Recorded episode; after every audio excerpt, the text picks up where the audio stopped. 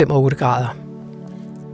Tak til Radioavisen. Mit navn er Clemen Kærsgaard. Vi står i nyhedshuset i DR-byen og har åbnet den første time af P1's søndagsavis. Akkurat Søren Pape Poulsen. Hvor var du i går? Jeg var til Danmarksdemokraternes landsmøde, dog som gæst.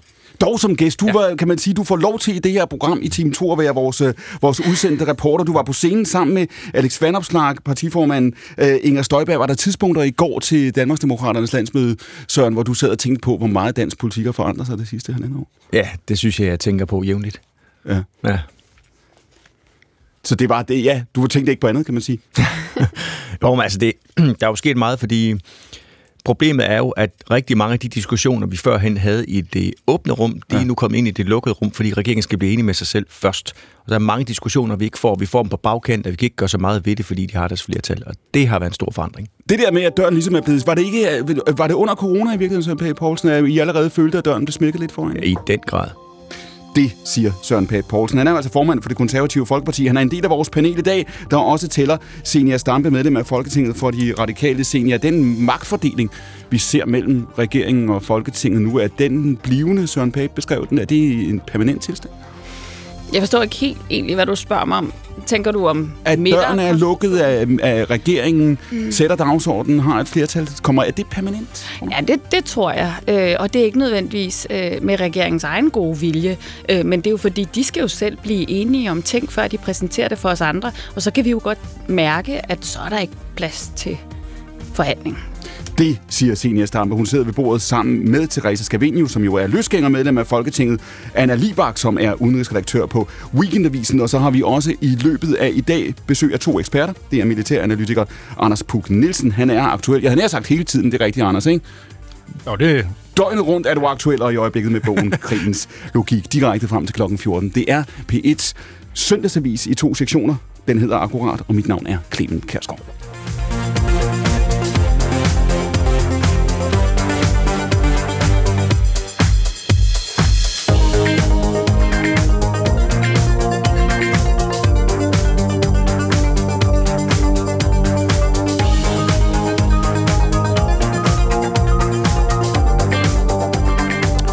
Men vi starter og med at vende os mod Mellemøsten, og det der jo altså er en konflikt ikke bare mellem Israel og Hamas, men også er blevet både et spørgsmål for hele Mellemøsten og, skal jeg hilse at sige, for resten af verden. I starten af ugen, der opfordrede en hel række af FN's organisationer til våbenhvile i konflikten mellem Israel og Hamas. Og torsdag, der lød præcis det samme budskab fra Frankrigs præsident Macron. Les civils doivent être protégés. Et c'est absolument indispensable ce n'est pas négociable.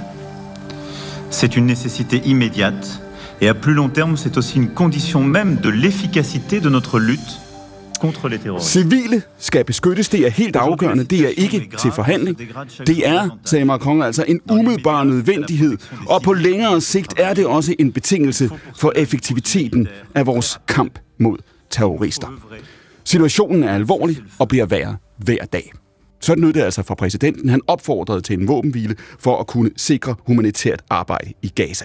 I går der gik omkring 300.000 mennesker på gaden i London i protest mod Israels kampagne mod Gaza. Også her lyder kravet om en våbenhvile. Men de var ikke alene, de 300.000. Der var også moddemonstranter på gaden, herunder en gruppe af højreorienterede. Og fra de moddemonstranter, der lød kampråbet sådan her.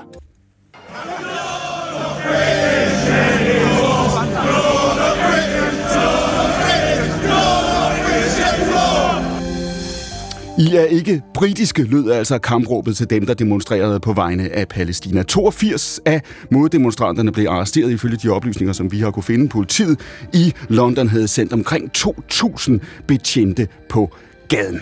Herhjemme var der jo altså torsdag aften også en demonstration, som opfordrede til fred, eller i hvert fald til våbenhvile. Udenrigsminister Lars Løkke Rasmussen landede tidligere i dag denne søndag i Jerusalem. Her blev han mødt af journalister, og han sagde til dem, at han er opmærksom både på de globale dimensioner og på det, han kalder en stigende polarisering om spørgsmålet, også i Danmark. Der kommer et kort klip med ham her.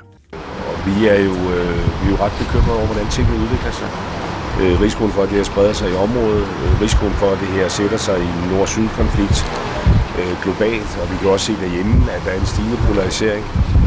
Ja, Lars Lykke, jeg beklager lyden på klippet, men han nævnte altså både den regionale dimension, det han siger er risikoen for, at de skal sætte sig i en nord-syd-konflikt, og så det der jo altså også er blevet, kan man sige, en indrigspolitisk dimension. Vi så demonstrationen i London, vi så den i København. Anna Libak, denne her konflikt mellem Israel og Hamas, er det ved at udvikle sig til at være en global værdidebat? Anna Libak, er det ved at udvikle sig til noget, som får betydning også for dansk politik? Ja, det synes jeg, fordi at, øh, at vi kan se, at der er en række kræfter, som øh, det ikke vil være naturligt øh, for at alliere sig, fordi de simpelthen for ideologisk og religiøst og politisk er for forskellige, der nu pludselig går sammen og, øh, og ser Vesten, eller ser Israel som sådan en øh, slags øh, forpost for, øh, for hele Vesten, og, øh, og derfor samler sig øh, til, til kamp øh, mod Vesten. Og er, er det det, vi ser? Nu skal vi tale med Anders Pug om hans nye bog, Krigens Logik, her øh, senere i dag, og i virkeligheden også om risikoen for, eller sandsynligheden for, at nogle af de konflikter, vi ser i verden i dag, løber sammen. Hvis vi lige prøver at tage udenrigsministerens øh, melding her, som sagt, så landede han i Jerusalem tidligere i dag, denne her øh, søndag, når han siger, at det her det bliver en, en nord-syd-dimension også, Anna Libak. Er det risikoen? Er det risikoen, at alle, der ser med skepsis på USA, ser med skepsis på Vesten, de vælger side mod Israel, og alle alle, der har den modsatte holdning, vælger side den anden vej. Altså at vi er ved at se nu i virkeligheden det her blive en del af et mønster, hvor Ukrainekrigen skal passe ind som en brik i puslespillet, Taiwan-konflikten osv. Og så, så er vi på vej mod en, en polarisering i to Ja, det tror jeg er tilfældet. Altså i min levetid, der har øh, Vesten ført krig mod sine øh, fjender under, altså, eller inden for forskellige dagsordner. Under den øh, kolde krig, der øh, var det liberalismen mod øh, kommunismen, og senere hen, da muren øh, så falder, så bliver det kampen mod terror. Du kan sige, det er kristendommen mod islam, eller vil mange i Vesten sige, det er det sekulære samfund mod det mm. religiøse samfund. Og nu står vi i en situation, hvor store magter som Kina og øh, Rusland, og til en vis grad også øh, Tyrkiet, og i hvert fald øh, da Iran, helt øh, åbent siger, at det er Vesten mod resten. Altså, det er jo det, vi hører, når Putin han stiller sig op og siger, at... Øh, palæstinensernes øh, fremtid afgøres på slagmarken mm. i Ukraine, og, øh, og øh, Kinas øh, officielle øh, aviser, de gør klart, at det, der øh, kæmpes af Israel mm. i øh, mod Gaza, det er en neokolonial øh, krig. Mm. Jamen altså, så appellerer de jo også til, øh, til de lande, der har engang været kolonier, og som derfor identificerer sig med øh, palæstinenserne. Er vi vidne til det, Therese Scavenius? Er vi vidne til nu, at øh, konflikten her mellem Hamas og Israel, den dybest set kommer til at skubbe både lande, men også altså store befolkningsgrupper, måske verdensdel, kan man sige, tættere på en Kina-Rusland-lejr øh, væk fra Vesten? Ja, og man kan sige, at det er selvfølgelig ikke en ny konflikt, så den, den, den skisme, som, lige, øh, som hvad der bliver beskitseret her, er jo selvfølgelig en gammel en, som har været der langt om, men det her det er så ligesom en, hvor den bliver, hvad hedder det, eskalerer igen. Og det er en ekstremt farligt at bidrage til den her polarisering, både på globalt niveau, men også nationalt niveau, jeg synes, det er meget uheldigt, at vi har haft en udenrigsminister, som ikke har kunne finde ud af at tale sig ud af den her polarisering. Og jeg er meget tilfreds med, at vi har en Lars Lykke, en, udenrigs, en udenrigsminister, som i meget højere grad kan forstå kompleksiteten i det her med, at man godt kan kritisere en side, samtidig med, at man også kritiserer en anden side. Øh, og det er den her dobbelte kritik, som er meget, meget vigtig, at vi fastholder, fordi hvis vi ikke har en politisk debat omkring, hvad der foregår i Israel, og hvad der har foregået, men det kun bliver en følelsesmæssig reaktion på et terrorangreb, så har vi ikke mulighed for at forstå det her ud fra et større geopolitisk perspektiv, og vi kommer til at forstærke konflikterne i stedet for at øh, deeskalere. Det er så sjældent, at der er nogen, der roser regeringen i øjeblikket, så jeg er sikker på, Therese Scavenius, at din opbakning her til Lars Løkke, du siger i virkeligheden altså også den øh, pragmatiske idealisme, han talte om i foråret, som han lancerede i foråret, der siger du, det, det er i virkeligheden den rigtige tilgang. Vi lever i en verden, hvor det ikke må blive sort-hvidt. Ja, det er meget vigtigt, øh, og det er jo netop det her, der er problemet, at man her i, i forhold til Israel og Palæstina, der handler det ikke om fra den side at vælge side, mm. der handler det om at sige, der sker et terrorangreb, det skal fordømmes på det kraftigste. Derudover har vi et Israel, som har udviklet sig i en meget, meget øh, dårlig retning for en retstilstandelse. Der er jo øh, civilsamfundsorganisationer som Human Rights Watch, FN og øh, Amnesty, som netop siger, at det er et apartheid-regime, de har over for palæstinenserne. Det bliver vi nødt til som allieret og som tætte øh, samarbejdspartner med Israel at adressere samtidig. Og det, er den, og det skal man som udenrigsminister kunne finde ud af at jonglere begge kritikpunkter. Søren Pape Poulsen, er det en risiko her, hvis man sidder som dig, partiformand, mm. eller man sidder som minister i en dansk regering, og man, man ser øh, terrorangrebet på, på Israel, det største mod landet i statens historie, det største angreb, kan man sige, på jøderne siden, siden holocaust, så siger man, vi er nødt til at vælge side, vi er nødt til at stå klart, og i virkeligheden, så kommer man så til at placere sig i en logik som den, vi ser nu. Det her, det spiller ind på alle mulige spørgsmål i Europa, alle mulige spørgsmål i USA. Det er også en global konflikt, og hvis vi taber det af syne, så kan vi ikke være sikre på at handle rationelt. Jamen, det er jeg meget enig i. Altså, jeg har det sådan med, med meget politik. Jeg diskuterer, at, at der er meget lidt politik, der sådan kan gøre mig meget, meget frustreret. Øh, det kan den her konflikt. Og jeg kan mærke det på mig selv, at øh, jeg skal virkelig holde fast i mig selv for at bevare nogle nuancer her, fordi jeg bliver voldsomt provokeret af den debat, der er i øh, offentligheden, både herhjemme og internationalt om det. Øh, altså Israel oplevede deres 9-11 øh, gange, mange gange, øh, og så gik der en uge, og så begyndte alle at tale om, ah, at du skal vi også huske, det er to parter, der lige går om det, og Israel-Palæstina og sådan noget. Altså de uhyreligheder, der bliver begået mod øh, det israelske folk, det slår man selvfølgelig tilbage på. Så er krig forfærdeligt. Krig er og bliver forfærdeligt. Det, krig er aldrig godt, det kan være nødvendigt. Og det her med, at man så kritiserer, der er civile ofre, det er virkelig ulykkeligt. Vi skal bare huske, at Hamas gemmer sig jo blandt civile. Og så må vi så spørge os selv, betyder det så, at Israel ikke øh, skal slå igen? Og derfor bliver det jo, synes jeg, det bliver også en kamp om mm, de, de vestlige liberale værdier over for det mere totalitære, som, som en overligger på den her, øh, på den her diskussion. Øh, og så har vi så taget det her hjem, og det, jeg, kan, jeg kan slet ikke være i det. Altså, vi har folk, der går og råber jihad i, i gaderne, men det er jo så, nu siger jeg noget, som nogen nok bliver vildt sure over, men det er også en konsekvens af en øh, for stor muslimsk indvandring gennem mange år, hvor nogle af dem simpelthen har glemt, hvilke værdier man har i et frit samfund. Jeg, jeg har meget, meget, meget svært ved at, at, at, at være i det, det må jeg sige. Men når du siger lige før, Søren Pape Poulsen, du sagde noget i retning af, selvfølgelig slår man igen, altså når man ja. bliver ramt af det angreb, ja. Men det er jo også logikken på den anden side. En del af de mennesker, der går på gaden, reagerer præcis på den samme måde. De siger, at det her det handler også om os. Det handler om vores side. Mm. Det er øje for øje, tand for tand. Ja, og, og det er jo desværre, øh, hvad skal man sige, krigens øh, udfordringer. Det, det, man kan spørge sig selv om, det er, når nu man synes, Israel er så forfærdelig, og de er så ondskabsfulde over for palæstinenserne, hvorfor er det ikke, at øh, alle de lande, der omkranser Israel, mm. øh, hvorfor er det ikke, at de øh, åbner armene og hjerterne for, de, for palæstinenserne? Det gør de jo sjovt nok ikke. Og det kan man jo godt tænke over, om de bare har en interesse, nemlig at undertrykke palæstinenserne, så de skal opbilde sig kamp mod staten Israel. Signe Stamme? Søren, du er... Øh så øh, du er så balanceret at høre på, hvis man kun hørte på på din, dit stemmeleje, mm. øh, men ikke hørte, hvad du sagde, så vil man tænke, om her er der en mand, der, der siger, nu må vi lige, øh, nu må vi deeskalere, nu må vi mm. prøve at finde den fælles vej frem. Men i virkeligheden bidrager du til, til polarisering, øh, synes jeg, ved så at, at trække øh, udlændingepolitik ind i spørgsmål. Det håber jeg egentlig ikke, vi skal bruge en masse øh, tid på.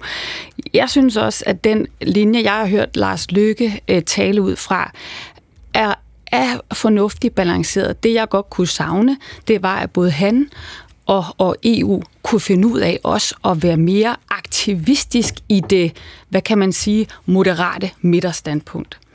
Øh, for jeg synes faktisk, han formår at veje tingene fornuftigt op mod hinanden, og jeg tror kun, der er en vej frem i den her øh, konflikt. Det er jo en vej, hvor der både er plads til et, et Israel, hvor israelerne kan finde, føle sig sikre, men jo også en vej frem, hvor der er en fremtid for palæstinenserne, og ikke bare som flygtninge mm. i, i andre mellemøstlige øh, lande. Øh, og derfor så mener jeg jo, at vi har en forpligtelse til starte den samtale allerede nu? Altså, hvad er det, der ligger på den anden side af den her krig og konflikt? For jeg tror desværre, at både Hamas og øh, den israelske regering lige nu ikke rigtig har nogen plan for, hvad der ske på, skal ske på den anden side, fordi begge parter, og her taler jeg slet ikke Israel mm. som sådan, men den israelske regering, Netanyahu og de partier, han støtter sig op mod på den ene side, og Hamas på den anden side, begge parter lukrerer på kaos, på krig, polarisering. Og derfor så mener jeg jo, at øh, Danmark, men også EU, skulle arbejde øh, meget mere aktivt for at skabe det her midterstandpunkt, som jeg egentlig tror, de fleste er i. Altså, vi er jo enige i at fordømme Hamas' terror, og øvrigt sige, at der er ikke nogen fremtid øh, med Hamas. Hamas skal væk. Men der er heller ikke en fremtid mm. for Israel med den, undskyld ikke, selvfølgelig er der en fremtid for Israel, øh, men den, hvad kan man sige, den linje, den, den israelske regering Mm. Netanyahu, hans mange år på magten, men jo især også de seneste år øh, med den her bosætterbevægelse, det her ultranationale højre partier, den linje giver jo heller ikke en tryg fremtid for Israel. Og derfor synes jeg, at vi skulle gøre meget mere for at finde ud af, hvad er det midterstandpunkt, hvad er fremtidsudsigterne, om... i stedet for, at det bliver en polariserende diskussion om, hvem holder man mest med. Og så kan vi ellers bare se, at uhyrlighederne og øh, drabene og de civile ofre øh, fortsætter i det uendelige. Anna Libak, har, har vi et valg her? Jeg vil gerne lige prøve at, at ramme det overordnede perspektiv her. Har vi et valg? Nu sidder I fire og diskuterer det i, i panelet nu. Kan vi vælge at sige i Europa eller i Danmark, det her det er en svær konflikt. Det er en konflikt, der har stået på længe. Den bliver ikke øh, løst i morgen, men det er ikke vores konflikt. Vi kan vælge i forhold til, hvordan vi forholder os til det, hvordan vi stiller os, hvordan vi selv udtaler os, hvilke behov vi selv selv føler for at gå ind og mene noget om det her, så kan vi faktisk også styre, om det kommer hertil, om denne her konflikt kommer hertil, fordi hvis I skal mene noget, vælge side. Hvis Danmark føler en eller anden forpligtelse til at skulle sige noget om det her, så kommer vi også til at bringe det hjem på begge sider, på begge fløje. Jeg tror ikke, at vi har noget valg, og jeg tror, at det i stigende omfang vil, øh, vil gå op øh, for folk. Fordi det, der er sagen, det er, at en række lande, der tilsammen er uendeligt meget øh, eller uendeligt stærke, de har sat sig for at svække Vesten. De har sat sig for, at vi skal sættes fra øh, bestallingen som den førende civilisation. Vi skal ikke have mulighed for at influere verden i den, øh, den grad, vi har gjort. Og øh, derfor, nu bliver lykkes øh, pragmatiske idealisme, øh, eller idealistiske pragmatisme, jeg ja. ved ikke, hvor han, hvad han selv vil, vil kalde det, rost her. Og der vil jeg godt sige, at jeg er måske knap så begejstret. Fordi jeg er øh, helt enig i, at øh, det er øh, nødvendigt ikke bare at, øh, at prædike sine værdier for alle andre, for det kan vi slet ikke længere. Vi er ikke øh, stærke øh, nok til det, desværre. Men det, jeg ikke hører lykke, det er, at han skældner sådan set ikke mellem, hvem det er, vi står overfor. Jeg mener, at man bør skelne mellem dem, der har som officiel målsætning, at Vesten skal ned. Mm. Og her tænker jeg Kina, som Lykke jo øh, gerne vil fortsætte en samarbejdsaftale med, øh, for eksempel skelne mellem dem, og så de autokrater, som for eksempel Saudi-Arabien, der jo også er et modbydeligt øh, øh, styre, som ikke øh, ser at, øh, at, at de får større muligheder på verdensscenen af, at Vesten bliver så du, svækket. Så du siger i virkeligheden, Anna Libak, altså hvis vi betragter hende sagt det her i isolation og siger, hey, når vi taler Israel-Gaza, Israel-palæstinenserne, så må vi tale om det i en historisk bestemt øh, regional kontekst. Det samme med Ukraine, det samme med Taiwan, hvad det kan være. Så siger du, så taber vi simpelthen af syne, at det her, det er en global værdikamp. Det er det, og derfor var jeg jo også en af dem, der var stolt af Mette Frederiksen, da hun gik ud øh, og øh, fordømte Hamas mm. terrorangreb øh, så, entid, øh, så entydigt, øh, som hun gjorde, fordi hun godt øh, kan kende dem, som Vesten Vest. har værdier til fælles med. Det betyder jo ikke, at, at jeg øh, ikke mener, at når der er så mange palæstinensiske danskere, mm. som øh, tilfældet er i Danmark, at man så ikke skal sørge for, også fra politisk side, at gøre opmærksom på, ja, vi føler med jer, og vi kan godt forstå, at det er forfærdeligt for jer at sidde mm. og kigge på, at, øh, at, at I er fanget et område, der bliver bombet, som I ikke kan flygte fra, men det ændrer ikke ved, at Hamas skal ned. Det er forudsætningen men, for, at palæstinenserne i Gaza kan få det bedre. Når du siger, Anna Libak, at Hamas skal ned, hvad vil det sige? Det vil sige, at de skal svækkes i en grad, så de ikke er i stand til at, øh, at gentage et angreb som det den 7. oktober, mm-hmm. og mhm. helst skal de helt øh, fjernes. Jeg, jeg, jeg synes, det er rigtig vigtigt, at øh, det, som Anna siger her, er, det er rigtigt, at Vesten som et værdipolitisk fællesskab mister geopolitisk terræn i øjeblikket. Og det er ekstremt alvorligt. Men en af de værste problemer ved det er ikke kun presset, der kommer fra Iran og Saudi og Kina og Rusland. Det er faktisk også vores eget manglende forsvar for de værdier og det sandt retsstatssamfund, vi har bygget op over de sidste 100 år. Øh, og det er lige præcis her, at Israel og Gaza-konflikten bliver meget, meget relevant, fordi problemet er, at historisk set har Israel også været på retsstat og demokratisiden vores øh, forpost og vores allierede netop i en meget autoritær verdensorden, hvor vi har intet til fælles med Saudi-Arabien og Iran, og netop skal støtte alle de protestbevægelser, der forsøger, men netop bliver slået ned, eller forsøger at gøre oprør, for eksempel i, i Iran, hvor vi netop burde støtte meget kraftigt de protester, der har været, hvilket vi jo ikke gør kraftigt nok, synes jeg. Pointen er, at Israel desværre har haft en, en politisk udvikling, der er gået i en autoritær retning.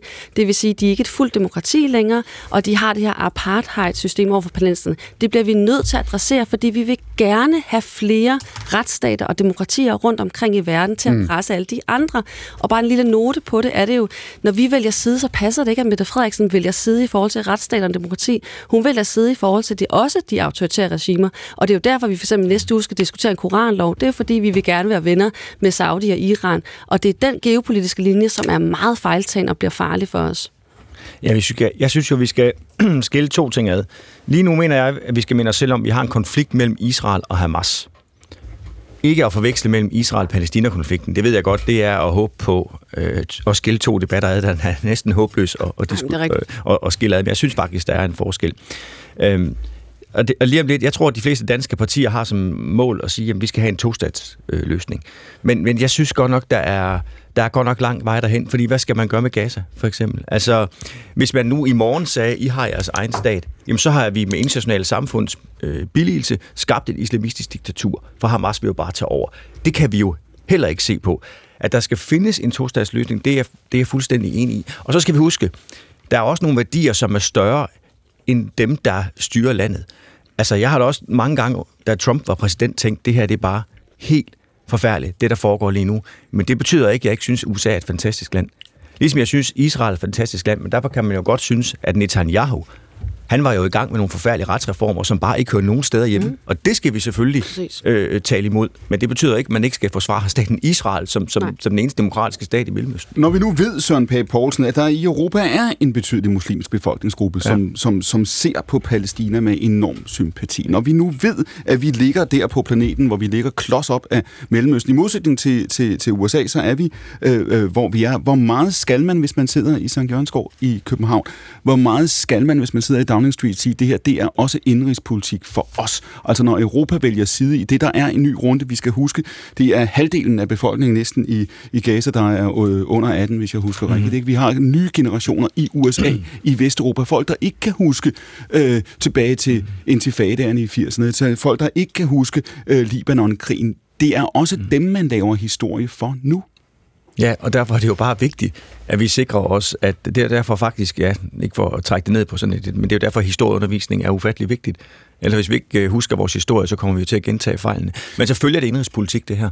Altså, det er man jo nødt til at tage, tage på sig. Altså, hvis man ser den debat, der er på sociale medier og andre steder, så må man da sige, at det, vi har set de sidste uger i Danmark, det har da om noget men når du har set i den her uge, du har set USA været ude offentligt og sige til, til Netanyahu, hør her, I skal ikke bryde jer om at besætte Gaza på sigt. Du hørte mm. Macron før i klippet fra i torsdags gå ind og sige, der skal simpelthen en våbenhvile til. Ja. Nu, ellers sagde han, så risikerer vi at svække vores egen kamp mod øh, øh, terrorismen. Har, har den danske regering placeret sig rigtigt?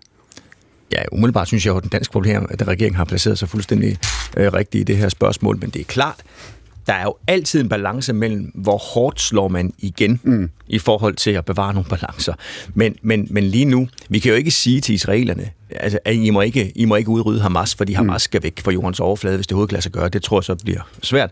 Men, men den kamp er nødt til at tage.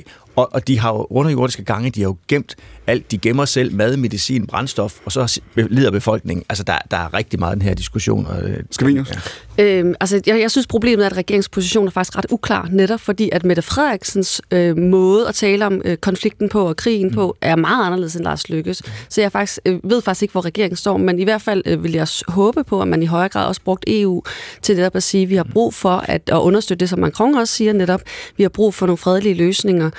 Og nu kan jeg se, at jeg bliver stået. Men pointen er bare at sige, det jeg synes bare, det er allervigtigste at sige, det er, at man burde sige, at et hvert offer er en moralsk, er moralsk forkert, uagtet farve, race, etnicitet, religion. Mm. Og det er det udgangspunkt, man skal, det moralske udgangspunkt, man skal have.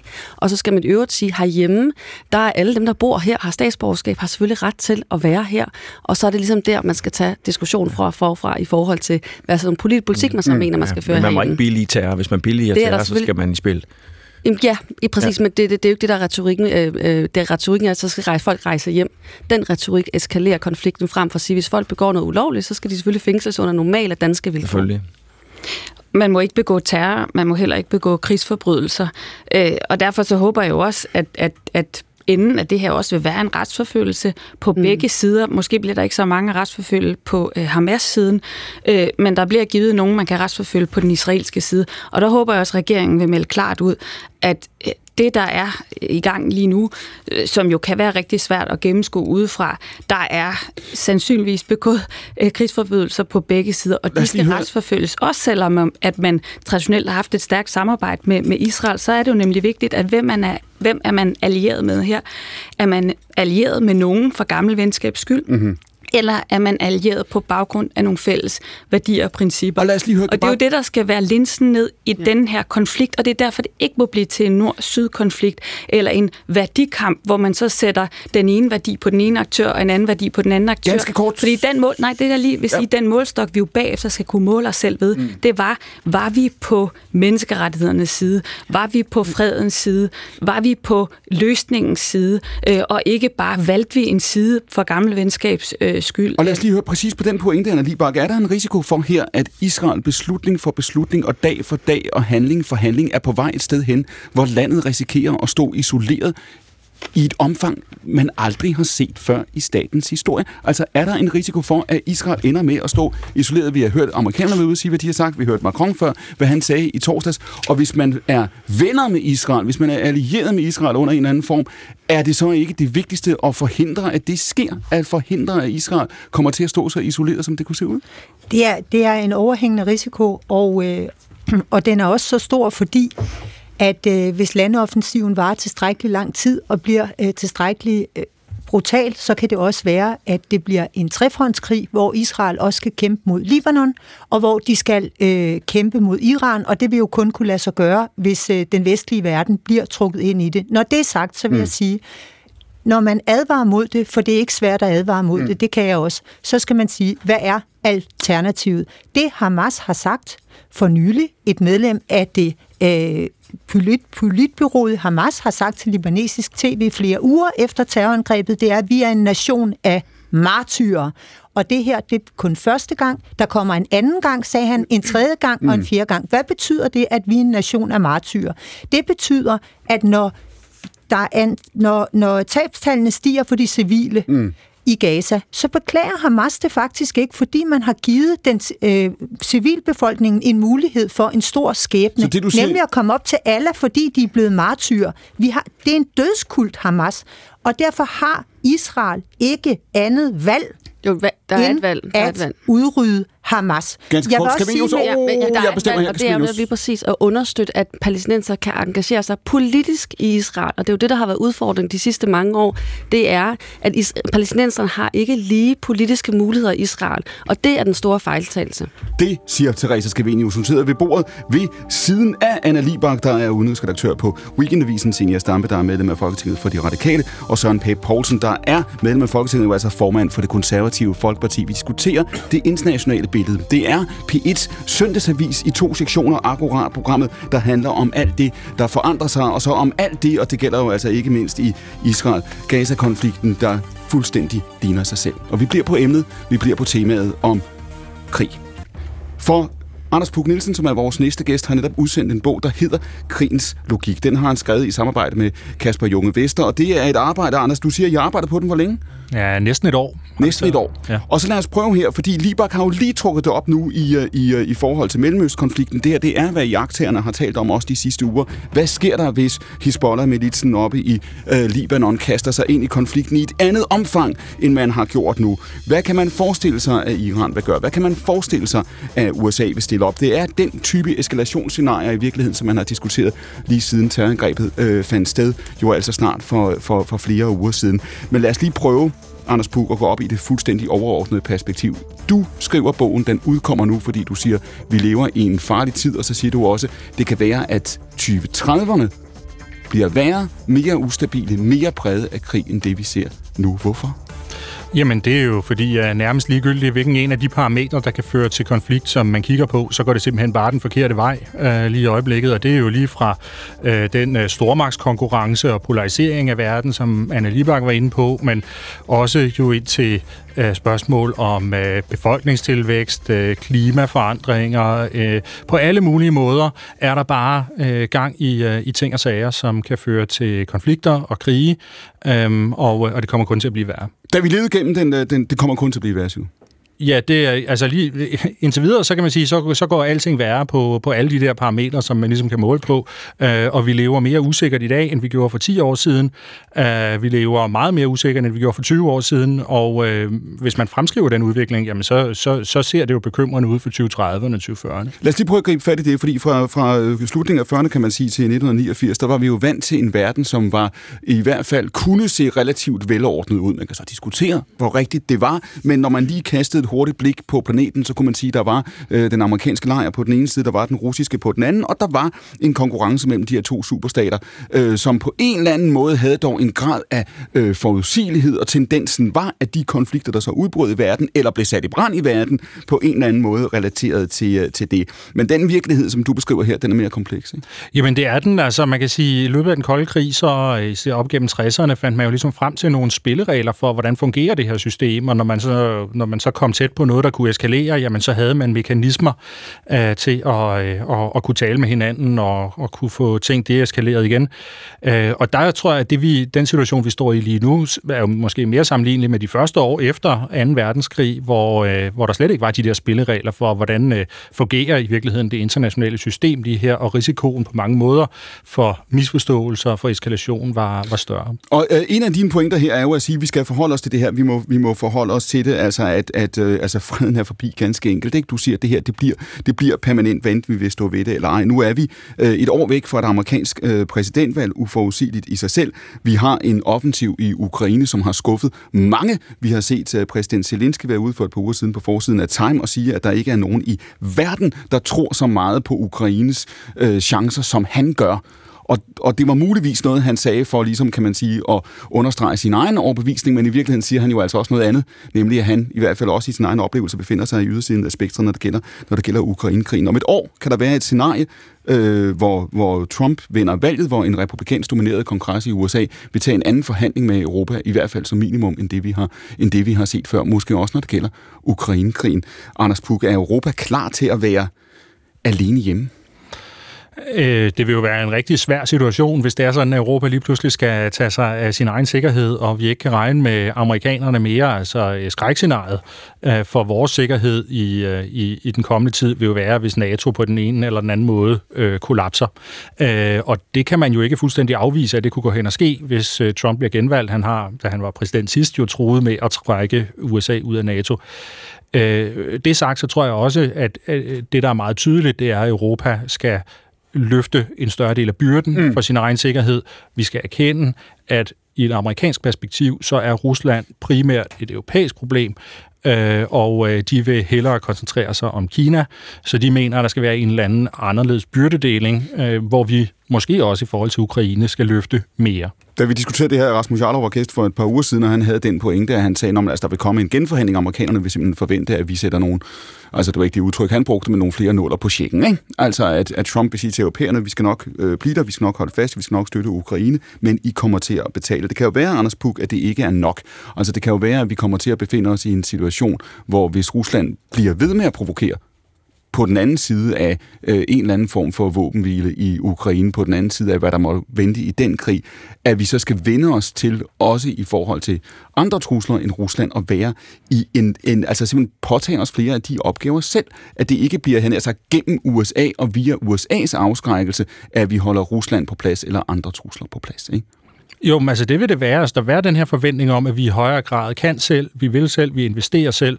Øh, men jeg vil også sige, jeg tror faktisk ikke, at vi er det, at amerikanerne vil trække sig fuldstændig ud. Altså man skal huske, at der også i Amerika, de er også glade for at tjene penge, og rigtig, rigtig mange af de våben, der bliver øh, brugt i Ukraine, de er altså produceret i USA, så jeg er ret sikker på, at de egentlig godt kunne tænke sig, at vi bliver ved med også at, at, at investere så mange penge i amerikanske våben og give til Ukraine. Søren P. Poulsen, umiddelbart efter øh, Putins invasion, så så vi jo noget meget usædvanligt, nemlig vi så øh, de, øh, de regeringsbærende partier på Christiansborg vinde en EU-afstemning, ikke? Jo. Der, det er I ikke så vant til.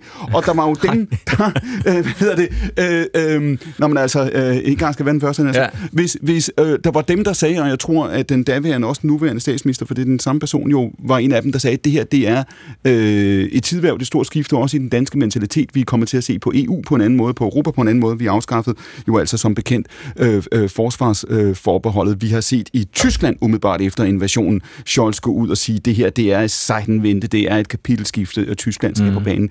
Føler du dig overbevist over Søren, om Søren Pape Poulsen, også i lyset af det, vi har set de sidste måneder, og at den offensiv, som Ukraine øh, forsøger sig med, ikke går så, så hurtigt, som mange havde ønsket sig. Føler du dig overbevist om, at danskerne bevarer opslutningen til Ukraine, troen på det her, investeringen i det på sigt, og at resten af Europa gør det samme? Jeg håber det, men jeg er faktisk dybt bekymret. Altså, fordi på et eller andet tidspunkt, så tror jeg, at vi vil se nogle diskussioner, Der er allerede i gang, siden hvor der valg i, øh, i Slovakiet øh, for nylig, og de har jo en anden tilgang til, til Ukraine, og en mere positiv russisk tilgang. Hvornår er det, vi kommer dertil, hvor befolkningerne i Danmark eller andre steder begynder at sige, skulle vi ikke bruge de her penge på en anden måde? Altså, det frygter jeg faktisk for at være helt ærlig. at På et tidspunkt, så bliver man trætte, man synes, man bruger penge, og det er vel også derfor, vi skal, må man sige, investere massivt nu, så vi forhåbentlig kan få krigen afsluttet. Det kan være, Anders skal sige noget om det, hvad, hvad der overhovedet er, er realistisk, altså hvordan man ender det her. ikke. Fordi hvis vi ikke gør det nu, så frygter jeg, at så tager det godt af tid, og så bliver Ukraine lige pludselig tvunget til at lave en eller anden fredsslutning, hvor de må acceptere, men, at noget af deres land ikke længere er deres land. Det lyder logisk, når du, når du siger det, Søren Pape Poulsen, men kunne man sige, Anders Puk, nu, det er nu for sent at gøre denne her krig hurtigt færdig? Jamen altså, det er for sent. Øh, man kan sige, at krige slutter enten øh, ofte meget øh, hurtigt, eller også så kommer de til at tage enormt lang tid. Og jeg tror egentlig meget af den her debat, der foregår lige i øjeblikket, hvor vi snakker om krigstræthed og hvad ved jeg, det er en erkendelsesproces både i Vesten og internt i Ukraine, om at drømmen om en form for lynkrig hen over sommeren, altså det vi kalder for, øh, som, forårsoffensiven, sommeroffensiven, som, som ligesom skulle afgøre krigen, den, den bræst. Og nu, øh, nu er vi nødt til at erkende, at det her det kommer til at tage lang tid. Vi taler øh, adskillige år endnu, og, og vi skal så indstille os på det og, og træffe de, de valg, der gør det muligt. Skal vi Ja, og det er den øh, manglende plan og forståelse af, hvad det er for en strategisk ramme, hele vores engagement i Ukraine har været i. Jeg har også i, i Europaudvalget mange gange har efterspurgt, også fordi den mangler på det europæiske plan. Og det er jo det, at man skal hele tiden skal huske, at der er jo ekstremt mange civile tab, også i Ukraine. Så det er jo det her med en rigtig, rigtig, øh, hvad hedder det, der er ofre, når at man har en langvarig konflikt. Øh, men det, jeg synes, der er rigtig vigtigt at lige få nævnt her i forlængelse af det, der blev nævnt før i forhold til det her med, at vi er den her eskalering og den her destabilisering. Og øh, man kan sige, hvorfor sker det? Fordi lige nu lød det bare som, det er jo bare noget, der sker, men det er jo faktisk noget, der sker af politisk, fordi man har politisk gødet den her vej. Og det er fordi, at man for eksempel også fra dansk side af, som man fra andre, andre landes side, for USA, ikke har understøttet den internationale verdensorden igennem FN. FN står historisk svagt hele den diplomatiske relation mellem forskellige lande står historisk svagt. De relationer, vi har til andre lande, de er meget øh, markedsbaserede. Det vil sige, at vi har omdannet vores ambassader til at være nogle handelskontorer, hvor vi gerne vil sælge smør i Saudi-Arabien, i stedet for at lave diplomatiske forbindelser, hvor vi netop enten påvirker dem, eller faktisk undgår de misforståelser, der kan være, når for eksempel der er en eller anden, der brænder en koran af i Danmark, så kan man sige, prøv at høre her, kære venner, det er en tilfældig dansker, det har intet med Danmark at gøre, så det behøver I ikke interessere jer for. Så grundlæggende er pointen bare, at man, den, den deeskalering, der sker i øjeblikket, mm. eller den, den eskalering, der sker nu, der har vi ikke nogen institutionelle redskaber til at få den deeskaleret. kunne selv og, det er problem- og så min point er bare til sidst, det er Ja. så, at det vi så har ser, det er, at vi så fortsætter det økonomiske relation. Det vil sige, at vi skal stadigvæk underbygge økonomiske relationer til Saudi-Arabien og Iran og Kina, samtidig med, at vi så understøtter et militært spor, hvor vi opruster. Og det ser jeg som en ekstremt farlig cocktail, hvor folk grundlæggende ikke Og har det er forstået, at vi skal have et ideologisk paradigmeskifte. Neoliberalismen har fejlet og kollapset. Nu er der brug for noget andet. Og det, det er jo et af de steder, kan man sige, hvor, hvor vandene virkelig skilles her. Fordi det, du siger, Skavenius, det er, at vi bærer i Vesten selv et ansvar for det her. Vi har selv, kan man sige, udhulet det internationale system, respekten for øh, suverænitet, hvad det nu ellers skal være, ved ting, som, som, som vi har gjort. Og Anna Libak, jeg ved, at du vil sige nu, at det har ikke noget med det at gøre, selv hvis FN havde haft øh, pænere brevpapir og mere effektive møder, så havde det ikke gjort en forskel i forhold til Kina og Rusland. Det havde det selvfølgelig ikke, fordi internationalt gælder den, øh, den stærkes øh, ret. Og øh, det er jo afspejlet i Sikkerhedsrådet, hvor det jo simpelthen øh, er øh, fem medlemmer, der kan forhindre ved at nedlægge øh, veto, at, øh, at verdenssamfundet træffer den ene eller den anden beslutning. Vi er i en situation, hvor magtbalancen er skiftet, og det vil sige, at vestens andel af det globale øh, BNP, altså vores andel af den samlede verdensøkonomi, er vigende. Mm. Befolkningsmæssigt bliver vi færre, og derfor så opstår der et krav fra de andre lande om helt nye institutioner, som de dominerer. Men det var noget andet, jeg vil sige, Clement, og jeg vil have lov at sige det.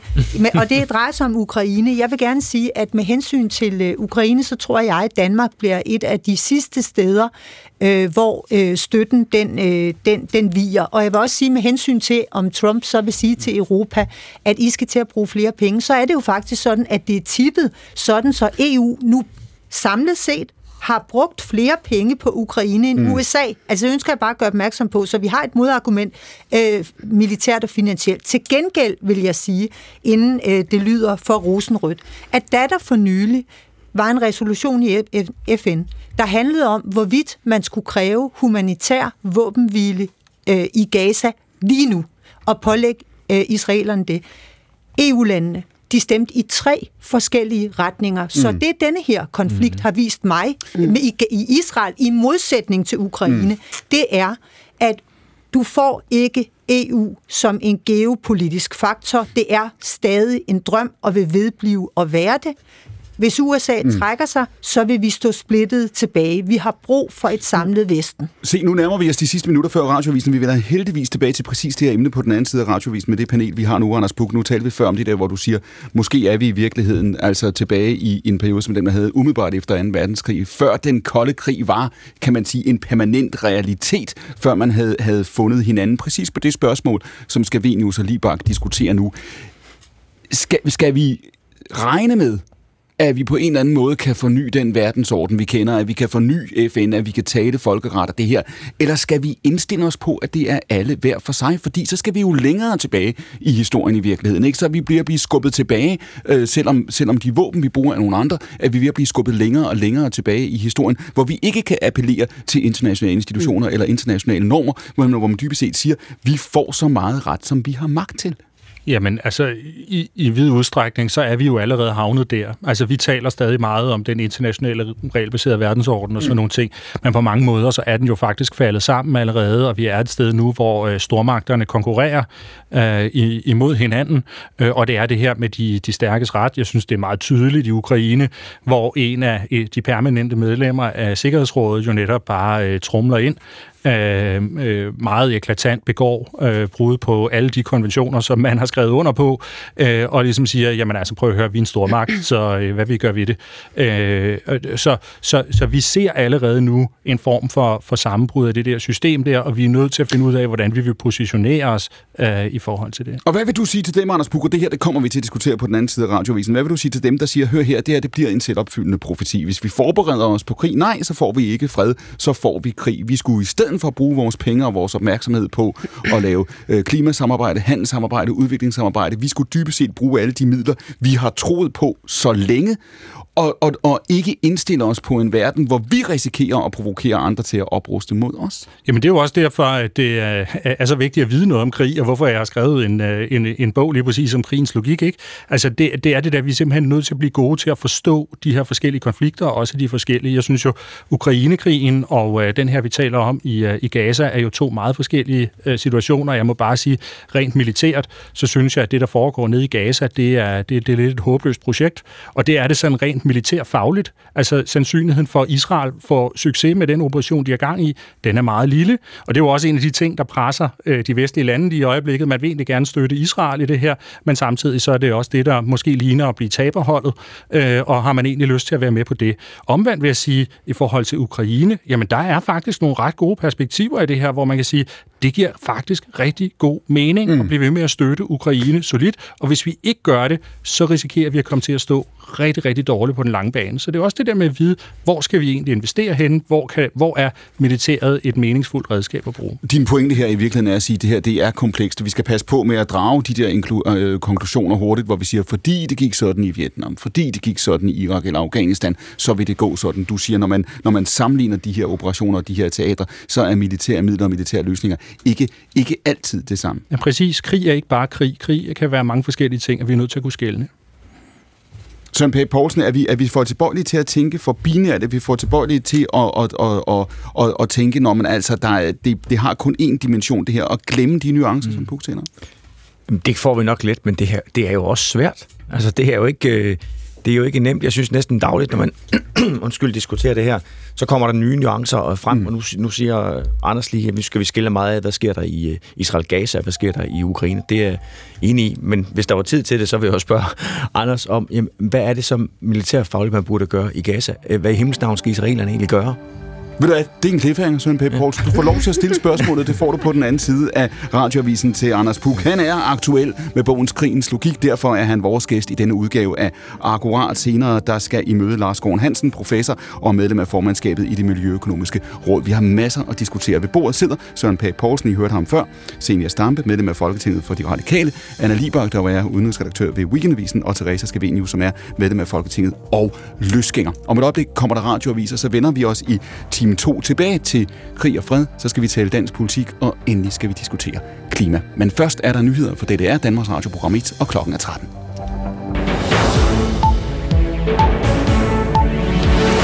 Udenrigsminister Lars Løkke Rasmussen opfordrer Israel til at stoppe bumpningerne af Gaza, så der kan komme hjælp ind til de civile i det palæstinensiske område. Det gav han udtryk for under sit igangværende besøg i Israel i dag, hvor han taler med både den israelske udenrigsminister og premierministeren for det palæstinensiske selvstyre. Det vi siger fra dansk side, det er, at vi har brug for at få nogle humanitære pauser.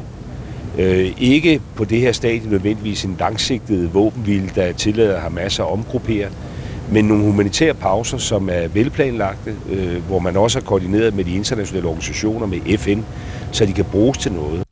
Israel har fået kritik fra en række af verdens ledere for at slå for hårdt ned mod de civile i Gaza, men den israelske regering forklarer de mange civile tab med, at Hamas gemmer sig bag dem. Det forklarer udlandsjournalist Sten Nørskov fra Jerusalem.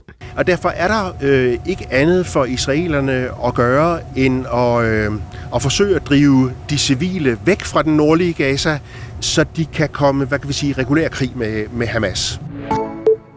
Siden fredag har en 15 km lang sprække fyldt med flydende, varmt klæbematerialer, magma, truet den sydvestlige del af Island.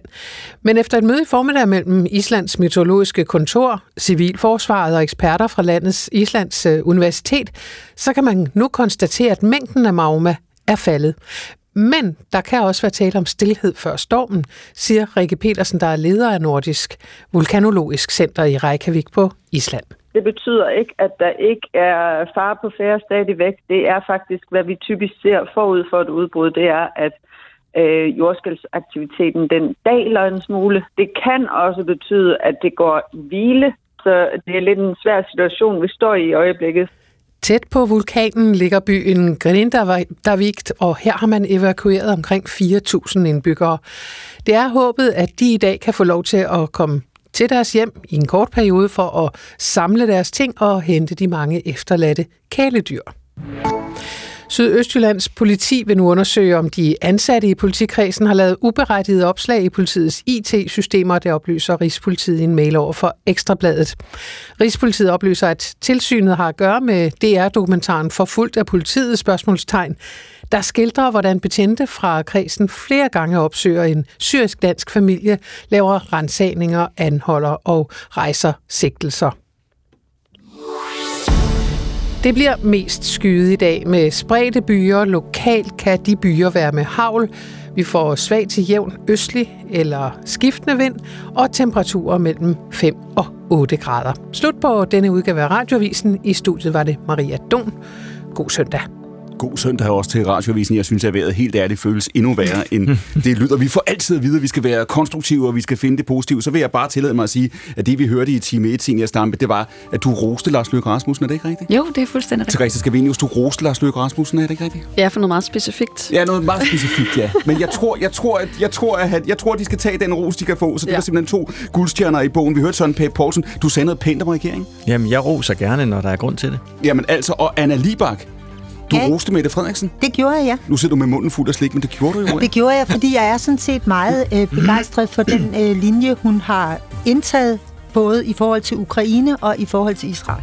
Og således er det ikke altid, kan man sige, at holdopstillingen er lige forudsigelig. Med os her ved bordet er Søren Pape Poulsen, formand for de konservative senior Stampe fra det radikale, Teresa Skavenius, der jo altså er løsgænger, og Anna Libak, udenrigsredaktør ved Weekendavisen. Ved bordet sidder også Anders Bug Nielsen. Vi vender os tilbage til hans bog om et kort sekund, og vi skal have svar naturligvis på det spørgsmål, som Søren Pape stillede i det sidste minut af den første time. Mit navn er Clemen Kærsgaard. Dette er akkurat på program 1, direkte fra Nyhedshuset frem til klokken 2.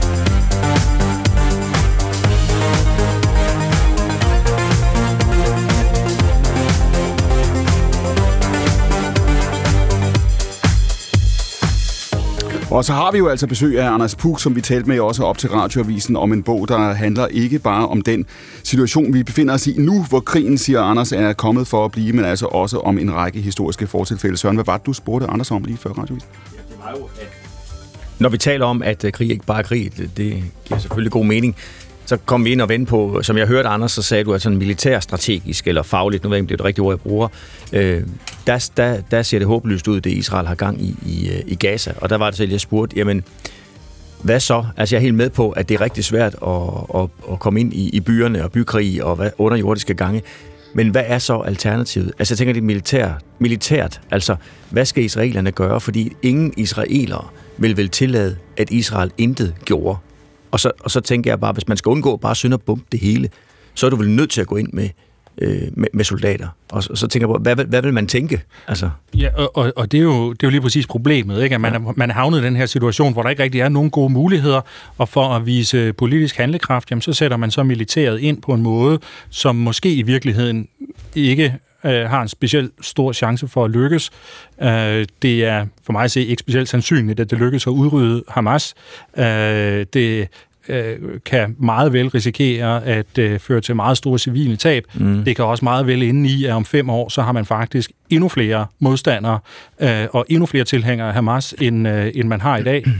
øh, og jeg tror, helt ærligt, så øh, militært set, så det man ligesom havde af muligheder, det var at forstærke grænserne, fokusere på at undgå, at det her det kan lade sig gøre en gang til, at man kan blive taget på sengen på den måde, og så ellers sige, så, så må løsningen være noget politisk. Øhm, fordi der er simpelthen bare for mange øh, begrænsninger i, hvad, hvad man øh, kan med det militære redskab her. Men det, så, så forstår jeg det godt, og det lyder jo rigtigt.